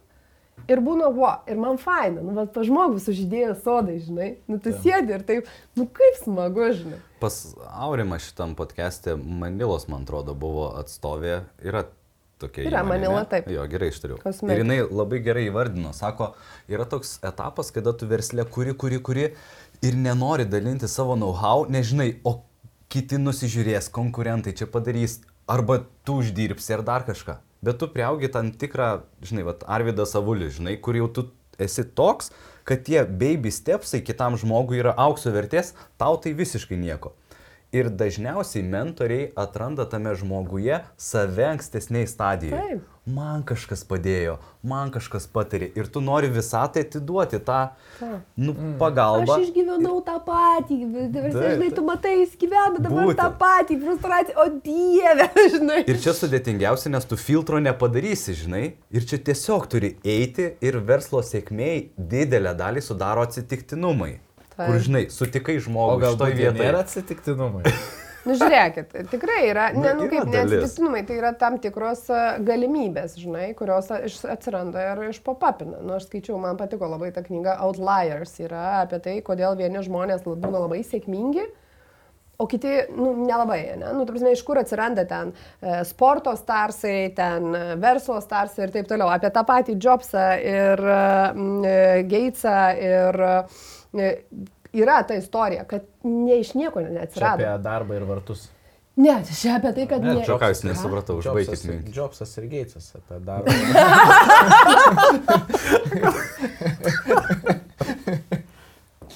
Nu, gerai. Tęsiu, aš Jo, tiesiu. Tai kad jie atsirado ir jų sėkmė nėra dėl to, kad jie kažkokie ypatingai unikalūs ar kitokie negu visi kiti. Tiesiog jiems atsirado uh, ankstesnė galimybė pradėti dirbti su kompu tuo laiku, kai nu, jie mokėsi, galimybė prieiti prie kompo buvo minimali. Ir jeigu neklystu, dabar galvoju, ar tai Geitsas turėjo galimybę uh, naktinė, naktimis, buvo gepas tipo bibliotekoje, žinai, e, univero, kur nemokamas laikas buvo. Ir jis visada ten varydavo. Ir jis sugebėjo surinkti savo tas 10 tūkstančių valandų iki to momento, kai tai pradėjo, kai kompai e, Kol jam pradėjo ži... pažastys. Taip. Ir tuo metu jie buvo visi ten apie dviem vienus kažkiek, nes metai netgi sutampa. Ir tipo, tuo metu pradėjo masiškai vat, viskas eiti į Rinka. personalizavimą, personalizuotus kompiuterius į naudojimą. Ir jie tiesiog buvo redi. Ir čia yra, sakykime, atsitiktinumas. Viena tai yra, jis turėjo aistrą. Antra, jam pasitaikė galimybė, kuris ją pasinaudojo. Bet čia, bet čia iš- aš labiau li- linkčiau link to, kad net jeigu atsirado galimybė, bet žmogus į savęs nedėjo ekstra valandų ir to Tai ekstra tu nori, tai čia be šansų. ta Taip, tai va jis aš tą ir sakau, ten labai akcentuoja 10 tūkstančių valandų, žinai. Ta prasme, tu turi turėti tą... O jūs Vareną Buffettą žinot, nuo ko prasidėjo jo investavimas? Ne. Jis 14 metų, tada Wall Street'e buvo, jokios nebuvo planšečių ir šito, jis buvo tas, kuris kabina ir rašo tuo metu visus šitus. Surinko. 14 metų. Tai Tai žinai, kai tu gyveni vaikystėje tarptų visų Wall Street'o vilkų ir tu matai failus, nesėkmės, jie kalba ir tu ten rašai, žinai, aha, tiek minuso, tiek pliuso. Natūraliai, jo, užaugo, čiuk ir... ir... Tai va, tai ta sėkmė pas jį atsirado ne iš oro. Yra va, labai pagrystas irgi tas, kad jis tiesiog turėjo galimybę surinkti 10 tūkstančių valandų. Tai turbūt norint padaryti verslą, visai verta sudaryti savo galimybę arba surasti galimybę, surasti tas 10 tūkstančių valandų bandymui, žinai, ten idėjos e, formavimui, pasitikrinimui, pokalbėm ir taip toliau. Labai vienas keistas rakursas, kad žmonės dažnai vertina savo labai laisvalaikį ir man vienas įdomiausių kriterijų yra ne kiekis, o kokybė. Ir ką jūs daro tais vakarais arba savaitgaliais. Ir aš atsimenu, skambinu savo draugam ir klausiu, nu ką savaitgalį.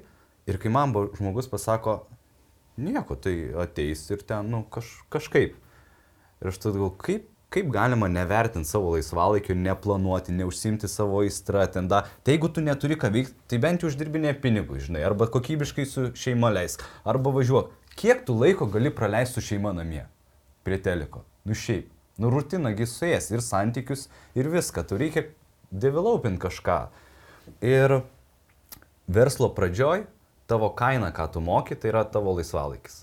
Tu turi vakarai skaityti, googlint, žiūrėti, daryti savaitgaliais. Ir nėra nei vieno žmogaus, kuris pradėjo nuo pilno etato ir patapo sėkmingu verslu. Bet čia aš kit, iš Ne. kitą problemą iškelsiu, su kuria aš dabar, dabar susiduriu asmeniškai. Tai yra, e, net ir po N metų versle aš jaučiuosi žiūriu rate.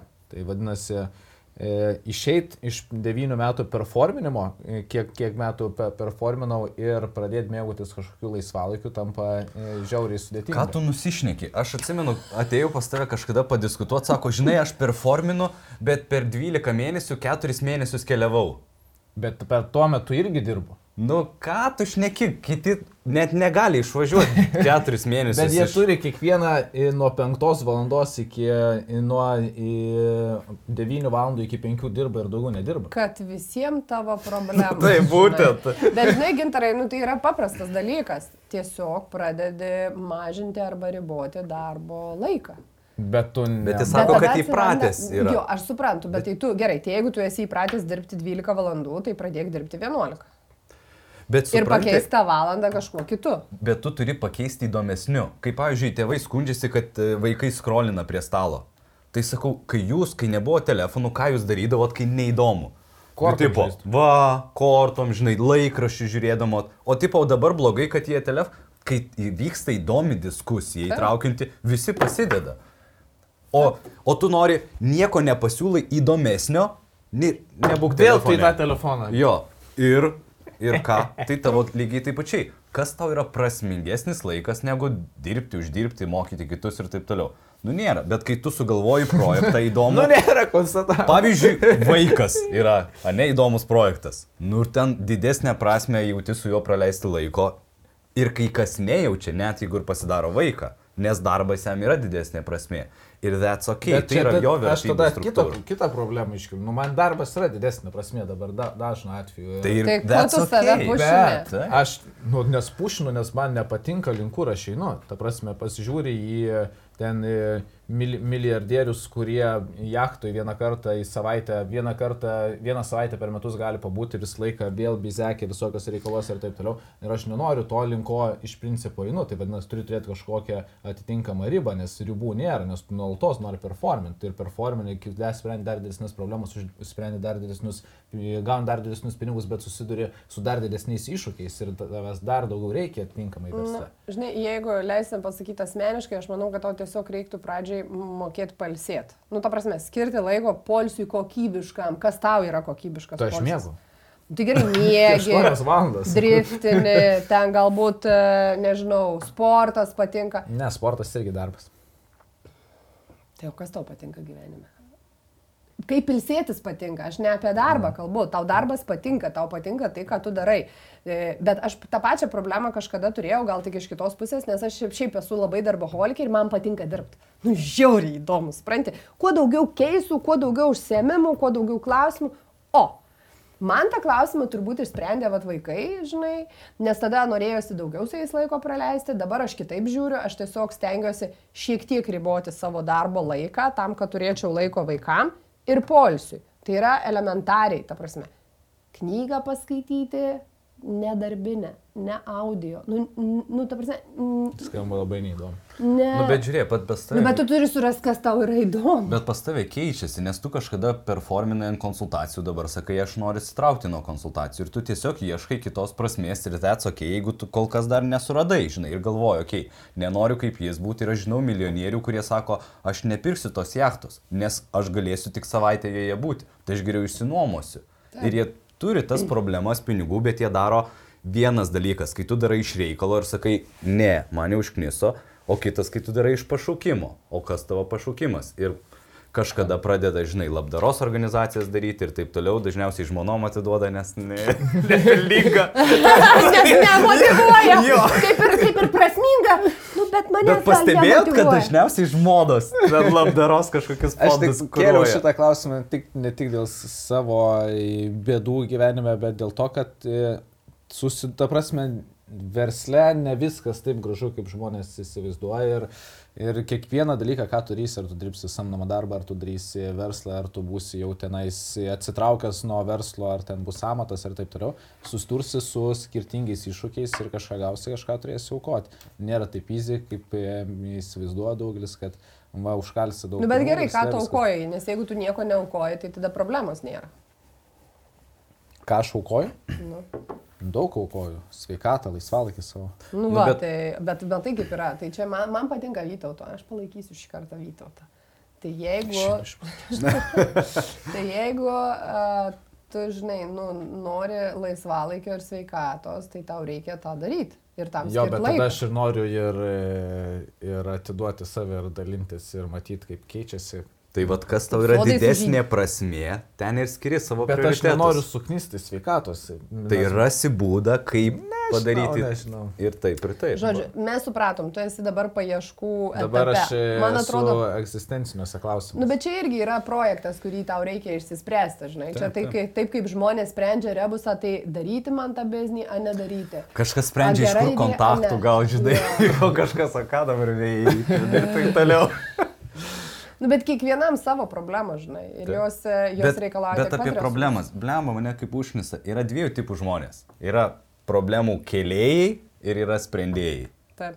Verslą turi daryti tik sprendėjai. Taip. Nes jie susiduria, tau reikia deliverint sprendimus, sprendimus, sprendimus ir dėl ko pavargsti.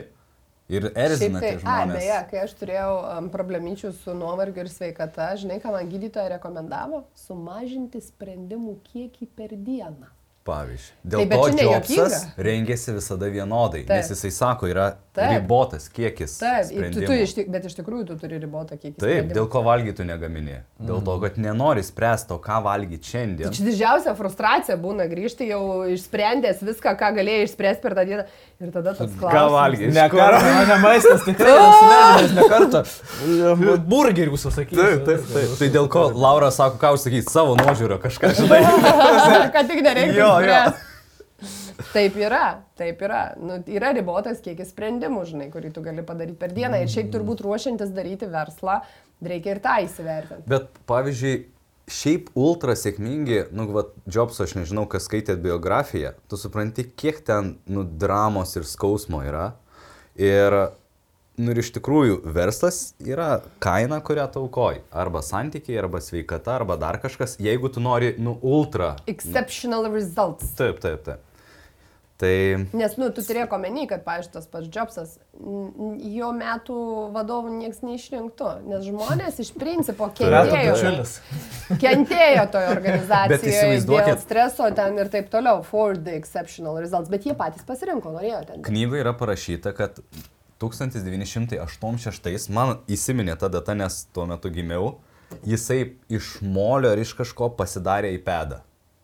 Kur ta prasme, LCD ekranų dar tuo metu tokių nebuvo, bet jis galvo, aš noriu, kad čia būtų skaitmeninė knyga. Ir jis ant tiek vizionierius ir įsivaizduoju, kaip tau reikia būti kokiu Man rodos, jisai gerus Vadovo. psichodelinius narkotikus vartojo. Rašė knygą ar ne? rašė. Taip. Taip. Tai dabar įsivaizduoju. Negali Tu būti. ateini pas inžinierius, kurie yra perpirkti iš IBM, kurie geriausi pasaulyje, labiausiai apmokami ir tu sakai, man reikia tokio device, jie sako, nėra technologijos tokios. Tai sukur. Būtent, sukurk, padaryk, ieškok ir jisai pušina rinką nauja tendencija, kurios nėra. Ir va, ant kiek tu turi būti, žinai, ir jie verkia, ir tu verki, ir ten... Ir visi fa- verkia, ir bet finally. Būtent po penkių metų Bam. atsiranda, technologija pasivėja tavo užduotį. Tai, nu čia... O kokias tau. didžiausias klaidas e, matot arba ko rekomenduotumėt nedaryti versle arba ką rekomenduotumėt daryti, kad verslas geriau vystytųsi? E, Robertas Dargis čia visai neseniai interviu pasakė, nebijokit klysti ir nebijokit net jeigu reikia bankrutuoti. Nesėkmingi žmonės padaro daugiau klaidų negu Mano nesėkmingi, draugas padarysim. mm, bankrutavo su vienu verslu ir padarė lygiai tokį patį antrą. Ir dabar Ir, yra ir, žiauriai toks, ir, ir sėkmingas. tokia, ir vėl bankrutavo. Ir Ne, jisai, nu tai nežinau, kai sako, tipo, jeigu nebankrutavai bent kelis kartus, tai, bet tai yra, žinai. žinai, yra ir Prastas kita meda, medalio pusė. Sako, kad žmonės, tie, kurie bankrutuoja, jie nebebijo bankrutuoti kitą kartą, bet e, tie žmonės, kurie iš pat pradžių stato save ant sėkmių, jie yra driven ant sėkmės ir vengia rizikų, tai nėra kažkuris geresnis kelias, bet man patiko to dargio pasakymas, kad arba tu gauni universitetą, susimoki pinigų, susimoki verslo partnerių, investuotojų, pasimi jo know-how, bet kartais nėra to investuotojo ir bankrotas yra vienintelis tavo universitetas Taip. ir vad kaip tavo bičiulio pavyzdžių, teikit ir daryk toliau vis tiek. Aš tai siūlyčiau e, e, geriau žiūrėti į visus e, finansus, nes dažniausia problema yra pinigai ir netinkamas jų valdymas, tai yra cash flow neturėjimas ir kažkurio vietoje arba per didelė investicija ir nespėjimas suvalgyti, kai e, ateina didelis kiekis e, užsakymų. Bet žinok, pas mane apsipirkti. buvo e, verslo partneris, kuris man kiekvieną mėnesį pelno nuostolio ataskaita, cash flows, visos jam tai yra, nu, normalus procesas verslo valdymo. Taip. O man ten 19 ar 20 metų aš padarau tos, nu, nuostolius, nu, biškai čia pelno, nu, man, ne, aš nesu, Tau aš tu neskaitai tuo Būtent, metu. aš tik dabar suvokiu, ką tie skaičiai reiškia, Taip. ką, ką iš tų skaičių, kokius veiksmus galiu keisti. Tada, ah, Nu gerai. E, čia. taip, Bet Taip. aš dar turiu kitą dar dalyką pridėti. Ne tik, kad žiūrėti visus e, e, pinigus, kaip, kaip jie sukasi versle, bet ir dalį pinigų, manau, kad didelė verslininkų klaida yra, kad jie viską kiša į vieną verslą. O taip, ir neinvestuoja po to, Taip. tarkim, jeigu uždirba arba pasiema, ne, kažkiek Taip. pinigų savo, nedaro kitų veiksmų, Taip. nedaro kitų investicijų, pavyzdžiui, ten, žinai, saugesnių, paprastesnių. Viską kažkokių, kiša, žinai. nes tu kiši, man logika kartais nesueina. Tu investuoji į vieną verslą, tarkim, į Lietuvą. Lietuvoje Savo. viena valiuta, vienoje valstybėje, Nu, tai vienoje čia- politikoje. Ta prasme, čia yra fucking tokia milžiniška rizika, kad, nu, žiūrėk, turi tai bet būti... Čia, net jeigu tu ir tą darai ir viskas paeis, bet tai yra vienas verslas, ta prasme, tu nediversifikuoji savo rizikų. Čia aišku, tavo Ne, kūdikis, bet jūs šnekat bla, apie bla, labai bla. nedidelį procentą verslų. Nu, nes klasikinis sėkmingas verslas, kai jis uždirba pelną, jisai, nu, nekilnojama turtą investuoja. Nu, tokia klasika. Arba ofisą tada jau nebenuomoja, pasistato Bet ar ten žiūrėk, kažką. at- Bet tai yra vis tiek viskas viename Bet vienete. pačioj pradžioj tu darai olin ir tu negali Ne, domėtis tai- kitais bet- dalykais. Bet čia ir yra bėda, jeigu tu padarai lainą ir tu susifeilini, tu neturi pinigų naujai verslo pradžiai ir taip toliau. Nėra Žiūrėk, aš palaikysiu čia gintarą. Nepalaikysiu. Palaikysiu aš gintarą, palaikysiu. Žiūrėk, Jobsas, Gatesas ir taip Nu toliau. ką jie pasiekė? Per jaunas.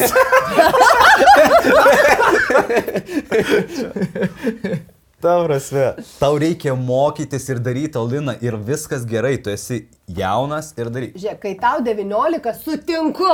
Kai tau 36. Tarp kitko, vieną kartą mano bičiulis pasakė labai įdomią, nu, nežinau, gyvenimo filosofiją. Sako, žiūrėk, kai tu esi jaunas, daryk all-in versle, uždirbinėk pinigus, gausi šį čia ir tau tikėtina ten nuo 3, nuo 3-5, tada bus, nu, tas jau aukso amžius. Bet tu gali būti korporacijoje darbuotojas, sėkmingas, bet tu visą tą laiką turi taupyti, taupyti, taupyti, investuoti, atsidėti Ir tada nuo 3-5 gali pradėti verslą su didesniu kapitalu, nusisamdyti specialistus ir irgi gali būti, Ir kad su pavažiuos. Ir dešimt metų iš šikno. Taupimo. Arba ir sako, bet pradėti taip, kaip pradėjo 19 metais 3-5, kai tu turi šeimą, vaikų ir taip toliau, tai sako, gali būti per didelė kaina. Taip, bet žiūrėk, man atrodo, Gintaras norėjo kitą dalį pasakyti, kitą dalyką. Žiūrėk, tu esi žmogus ir čia yra tavo verslas. Tu darai oliną, viskas gerai, ta prasme. Bet e, tu vis tiek turi iš kažko valgyti, ne? Nu, ta prasme. Negerčia žmogus. Tau, Gal- tau visada ne čia verslas. Ačiū, ačiū verslas. tau trūksta pinigų, nu Hebra, tavrasi. Žiūrėk, kai tau yra, kai tu esi labai jaunas, ne, ir va iki to, tarkim, 30, tai viskas yra tvarkoje, aš sutinku, tu daryk oliną, tau gal ten, žinai, Taip. reikia parintis. Tu dėl to- išsimoki minimumą savo, Taip, tu taip, skonis. taip, bet kai tau 35, tu tau nepaeis taip. Taip. Nes Jo, tu turi labai- kitų atsakomybių ir įsipareigojimų. Ir, pavyzdžiui, jeigu verslui visai neblogai sekasi, ne, nu kad ir nedidelis pelnas, arba tu turi galimybę savo išsimokėti, ne, kažkokią dalį pinigų, kaip fizekuje, ne. Tai gal visai verta tą padaryti, nu jeigu įmonė važiuoja, jeigu jinai yra minus arba neuždirba, tai, nu, taip, nu, nieko nepadarysi. Bet, bet tu, ta prasme, turėtum investuoti atskirai. Nu, ta prasme, šiuo atveju nežinau, ten ETF, whatever, akcijos, nekilnojamas turtas, kažkas priklausomai nuo to, kiek tu gali, nu, savo dar... kokį vieną kitą. Nu turi. taip, ta prasme, tam, kad tu diversifikuotum, ne? Nes realiai aš dabar žiūriu iš investuotojo perspektyvos. Tu esi investuotojas. Aišku, kai tu turi neribotą kiekį pinigų, tai gal tada, žinai, nu, nėra čia tokia O yra tokių, kurie turi neribotą kiekį. Nu, visi turi ribotą kiekį, bet ta prasme, kiekio, žinai, mastas Masteliai, skiriasi. ribos skiriasi. Tai va, bet uh, tu turi pasirūpinti, žinai, tiek savim, tiek savo šeimą, tiek savo ateitim. Tai tu negali visko suinvestuoti į aukščiausios rizikos turto klasę. Nu, ta prasme, Bet dažniausiai tai būna. tai dažniausiai tai būna. Tai ar, o ar tu turi tas kitas mini klases? Mes šnekėjom kažkada su fondų valdytojais, kad jie apie tą top turtingiausių žmonių nu, viršūnėlę, ar kaip ne viršūnėlę, greitinėlę Lietuvos, jūs sako, šiaip lietuviškų turtingų žmonių finansinis raštingumas yra labai labai žemas. Taip. Dėl to, kad jie, žinai, va tam perversme, Sovietų sąjunga ir taip toliau nebuvo iš ko. Ir jie, žinai, žino arba savo verslą, arba ten nekilnojamą turtą. Taip. Viskas. Ir Dėl to turi Tai vad mes išdėlimas. aplenksim juos. Taip. tai taip, dėl to jauni žmonės ir, ir dabar Bet tie žmonės, kurie yra turtingi, paprastai dėl to samdo jau uh, turto išdininką. Nu, ta prasme, išdo valdytoją. Tai reiškia žmogų, kuris iš esmės padeda... Turto managerį.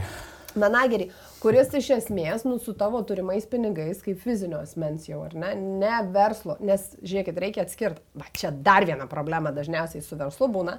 Neatskiria Kai- savo babkino verslo. Taip, Ta prasme, čia, nepas- yra, nu, čia yra tipo, kur tu susitapatini su verslu, negali būti. Čia, žinai, aišku, būsiu dabar ta bjauri boba, kur sako, yra taisyklės, bet viena iš esminių finansų valdymo taisyklių, nu, ta prasme, versle yra nemaišyti asmeninių ir verslo interesų.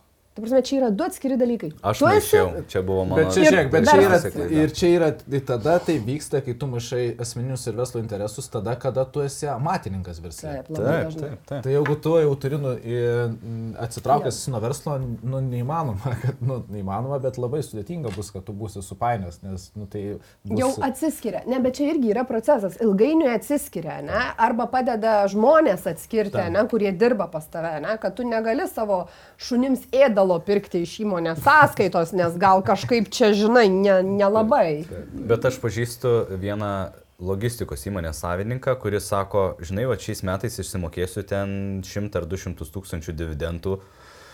Nu ir, ir galvoju, ką daryti. Ir kai mes šnekam apie investicijas, jisai nepasitikė kitai žmonėm. Ir sako, aš žinau, kuris nuėjo į Finastą, ten sudėjo pusę milijono ir, žinai, išsėmė pusę tiek. Ir tada sakau, kada sudėjo? Nu, prieš krizę. Kada išsėmė? Per krizę. Tai Elementari klaida, teorinė, net teoriniam lygiai. Nupiešta, Sveikinu. kada jo. Ir iš to daro išvadas, kad ne, jie nieko nesupranta. Seriously, kas čia nesupranta, žinai? Bet čia yra žmonių blogos patirtys. Arba viena boba sakė, žinai, kažkas turėjo patirtį, bet neįvertini, va čia yra kontekstas. Va, kas man dar atrodo svarbu versle visada ir bet kokiam sprendimui. Arba bet kokiam pasakymė to, ką išgirsti.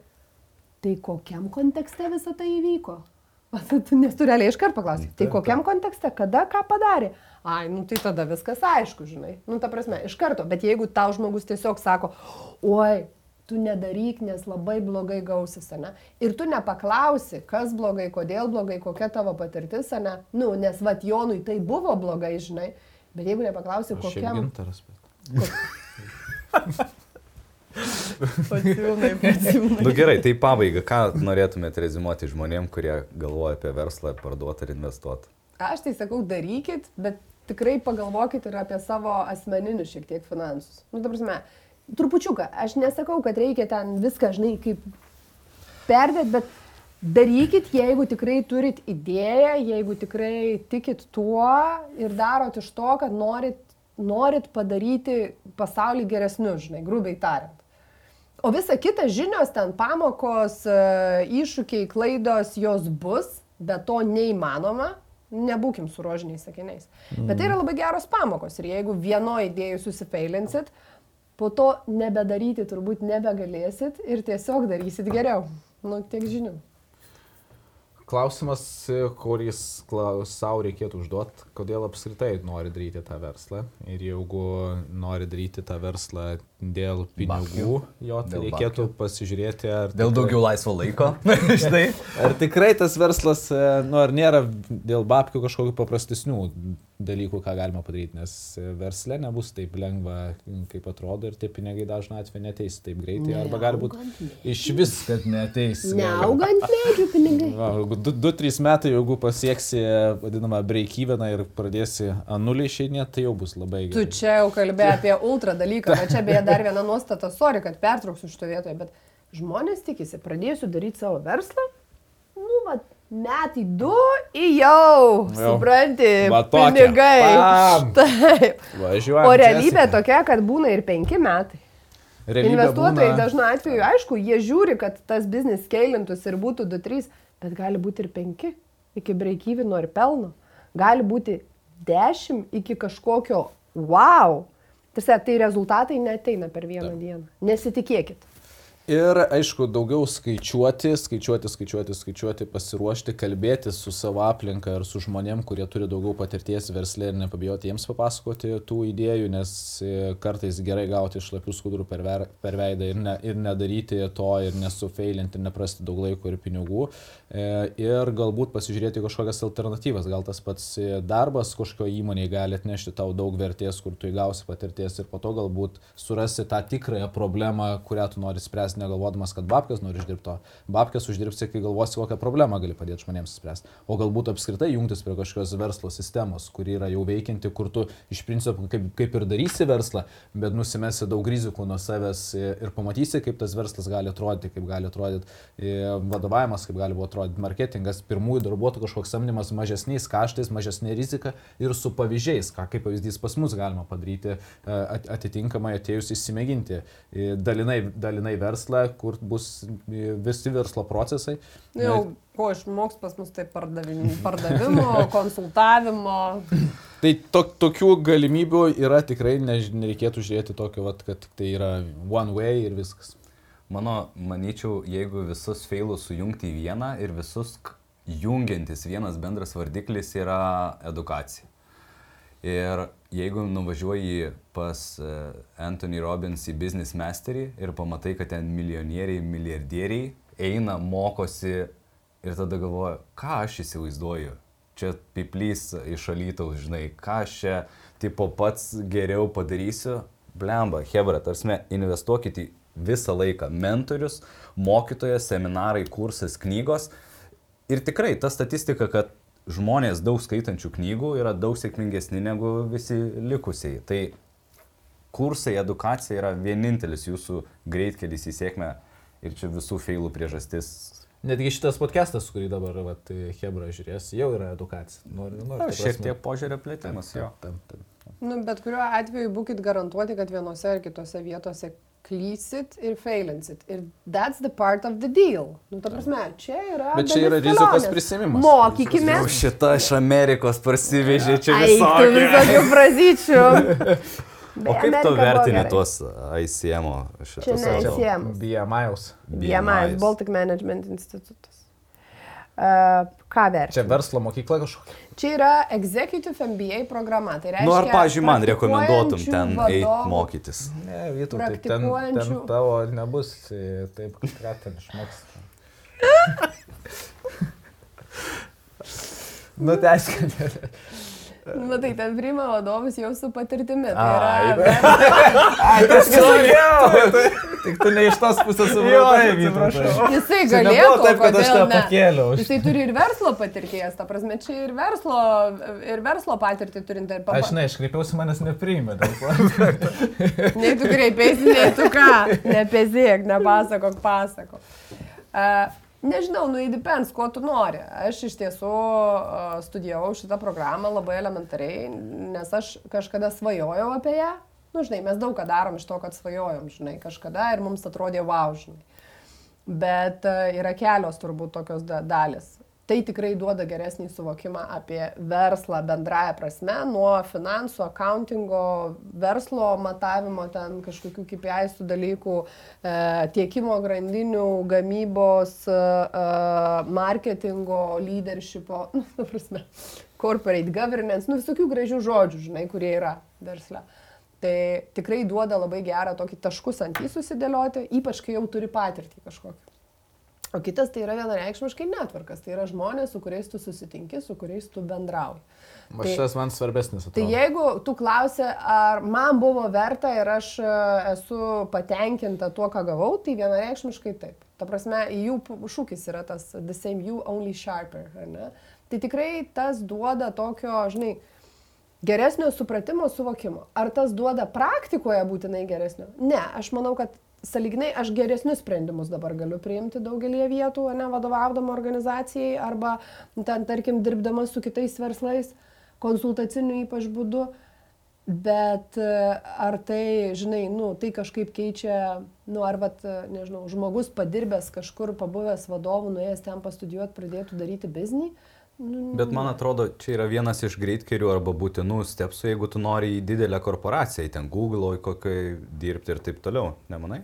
Mm, nu, nes... Ne, nemanau, bet tikrai dažnu atveju po šitų studijų žmonės turi karjeros pokyčių ir tai yra laiptelis, ne? nes, nu, žiūrėk, nebūtinai dideliai korporacijai, visi kažkodėl dabar pačialinčinsiu. Kodėl visiems atrodo, kad dirbti korporacijoje yra... Teskite. O, Prasme, dirbti korporacijoje irgi yra savi privalumai ir trūkumai. Korporacijos dažniausiai turi sraigtelius ir sistemą. Ne? Tai, yra, tai yra labai aiški sistema, kuri veikia. Gerai, jeigu tai yra inovatyvi įmonė arba jos strategija, esmė yra apie inovacijas, ne? tada kultūra, laisvė, struktūra yra biški kitokia. Bet didelėje organizacijoje tu darysi tam tikrą dalį dažniausiai. Tik žinių, dirbdamas mažesniai kompanijoje, tu visą turėsi daugiau galimybių aukti patyriminę prasme. Gal nebūtinai pareigų, bet tos vat, patirties realios. Ne? Tai aš nenurašyčiau, visi sako, oi kaip krūta ten dirba va toj kompanijoje, žinai man tai negroja, nes, nu, klausimas, ką tu darai. Tu galbūt esi ten departamento vadovas, žinai, ir, nu, nu tu, tu, tu, tu sprendi tokius klausimus kaip mano kažkuris žmogus, kuris, tipo, teoriškai yra ten projektų vadovas, ne, bet skaupas ten, nu, apimtis yra tokia, žinai. O, bet aišku, didelėje organizacijoje nu, yra skirtumų. Tai aš nesakyčiau, kad čia jau yra wow, man atrodo žmonėm, it depends, ko tu nori. Jeigu tu nori patirties greičio, eik į mažesnę, eik į startupą, nors startupai turi savo problemų, jiems reikia paprastai žmonių, kurie turi patirtį verslo procesuose, stabilizavime verslo, nes jie greitai auga, greitai plečiasi. Ir ten o, tu darai o viską. ten ten chaosas prasideda. Ne, nu tai pradžiojo, įsivaizduok, startupas prasideda nuo penkių žmonių. Ne. Gavot finansavimą, viską pradėjo daryti, o tada tau reikia pradėti samdyti kitus žmonės. Tu pradedi samdyti ir kažkuriuo metu nebeaišku, kas ką daro, nėra e, sistemos. Kartais, ta prasme, mes turim žmonių, kurių neaišku, ar reikia turėti, žinai, bet čia yra viskas iš to greičio ir augimo ir tai yra liuks, bet kažkuriuo metu net ir startupui reikia stabilizuotis. Tarsi, kad atsirastų procesai, kad atsirastų matavimai kažkokie, kad atsirastų kažkokia verslo kalba, žinai, išlaikant tam tikrą lankstumą. O man apie, žinai, va tas korporacijas ir augimą. E, Tesoneto ir, ir šito Okmano visas šitie verslų augimas yra toks įspūdingas Lietuvoje. Ir kažkada, kai, nu, antraštė buvo parašyta, kad e, Lietuva yra geriausia šalis daryti IT biznį, žinai, aukti ir taip toliau. Ir aš tada lyginu du IT įmonių savininkai. Ir vieni aš tikrai pažįstu, kurie sako, neįmanoma. Čia visokie Google'ai perima šitas, trūksta IT-šnikų. Per mažai. visur. ž- Jo, per, būtent. O kiti sako, čia yra geriausiai, žinai, specialistai į rinką, pigesni negu Amerikoje dar kažkas. Ir aš kaip vieni sugeba eksponentiškai aukti, kiti straglina toj pačioj rinkoje. Koks nors tas sonetas, jie tikrai investavo į kultūrą, į požiūrį, į ryšius, į reputaciją. Nu, ta prasme, net netiesiogiai, kad vat atėjau ir investavau pinigus, ne, bet žmonės, kurie darė biznį, jie tikrai, nu, ir, ir mintim tikėjo, ir idėja. Ir... Bet supranti, kai tu taip greitai augi, ten viskas statosi ant, ant kažko, žinai, numeti. Nu, ant tas- žmonių, Tas- kuriuos primena taip. tas e, požiūrio klausimas, primena tą istoriją, kur išsiuntė šefukas e, du e, specialistus pardavėjus pasivarlyti į rinką Afrikoje, batų parduotuvę, gamy- gamyklą ir taip toliau. Įsiunčia, grįžta pirmasis, sako, šefė, šefė, šūnas biznis tos toje Afrikoje, niekas tenais batų nenešioja, nieko mes ten neparduosim. Įsiunčia kitą, tas tik tai pirmą telefoną suradęs, skambina šefė, sako, ten niekas batų nenešioja, va čia tai Važiuoja! Suksim biznį. tai ta linksma gaida. Jo. Aš manau, kad ir, ir baigsim mūsų šiandienos podcastą. Tai darykit verslą, kurkit, spręskit problemas, ieškokit, kokias problemas galite spręsti žmonėms, nebijokit klaidų ir sukursim dar daugiau vertės pasauliu, aš manau. Taip. Ir nebijokit iškot pagalbos. Ir tokiu atveju tikėtinai jas surasit ir būtinai edukuokitės. Va tai va. Tai tarėme jums iki pasimatymo kitą Iki. kartą. Iki.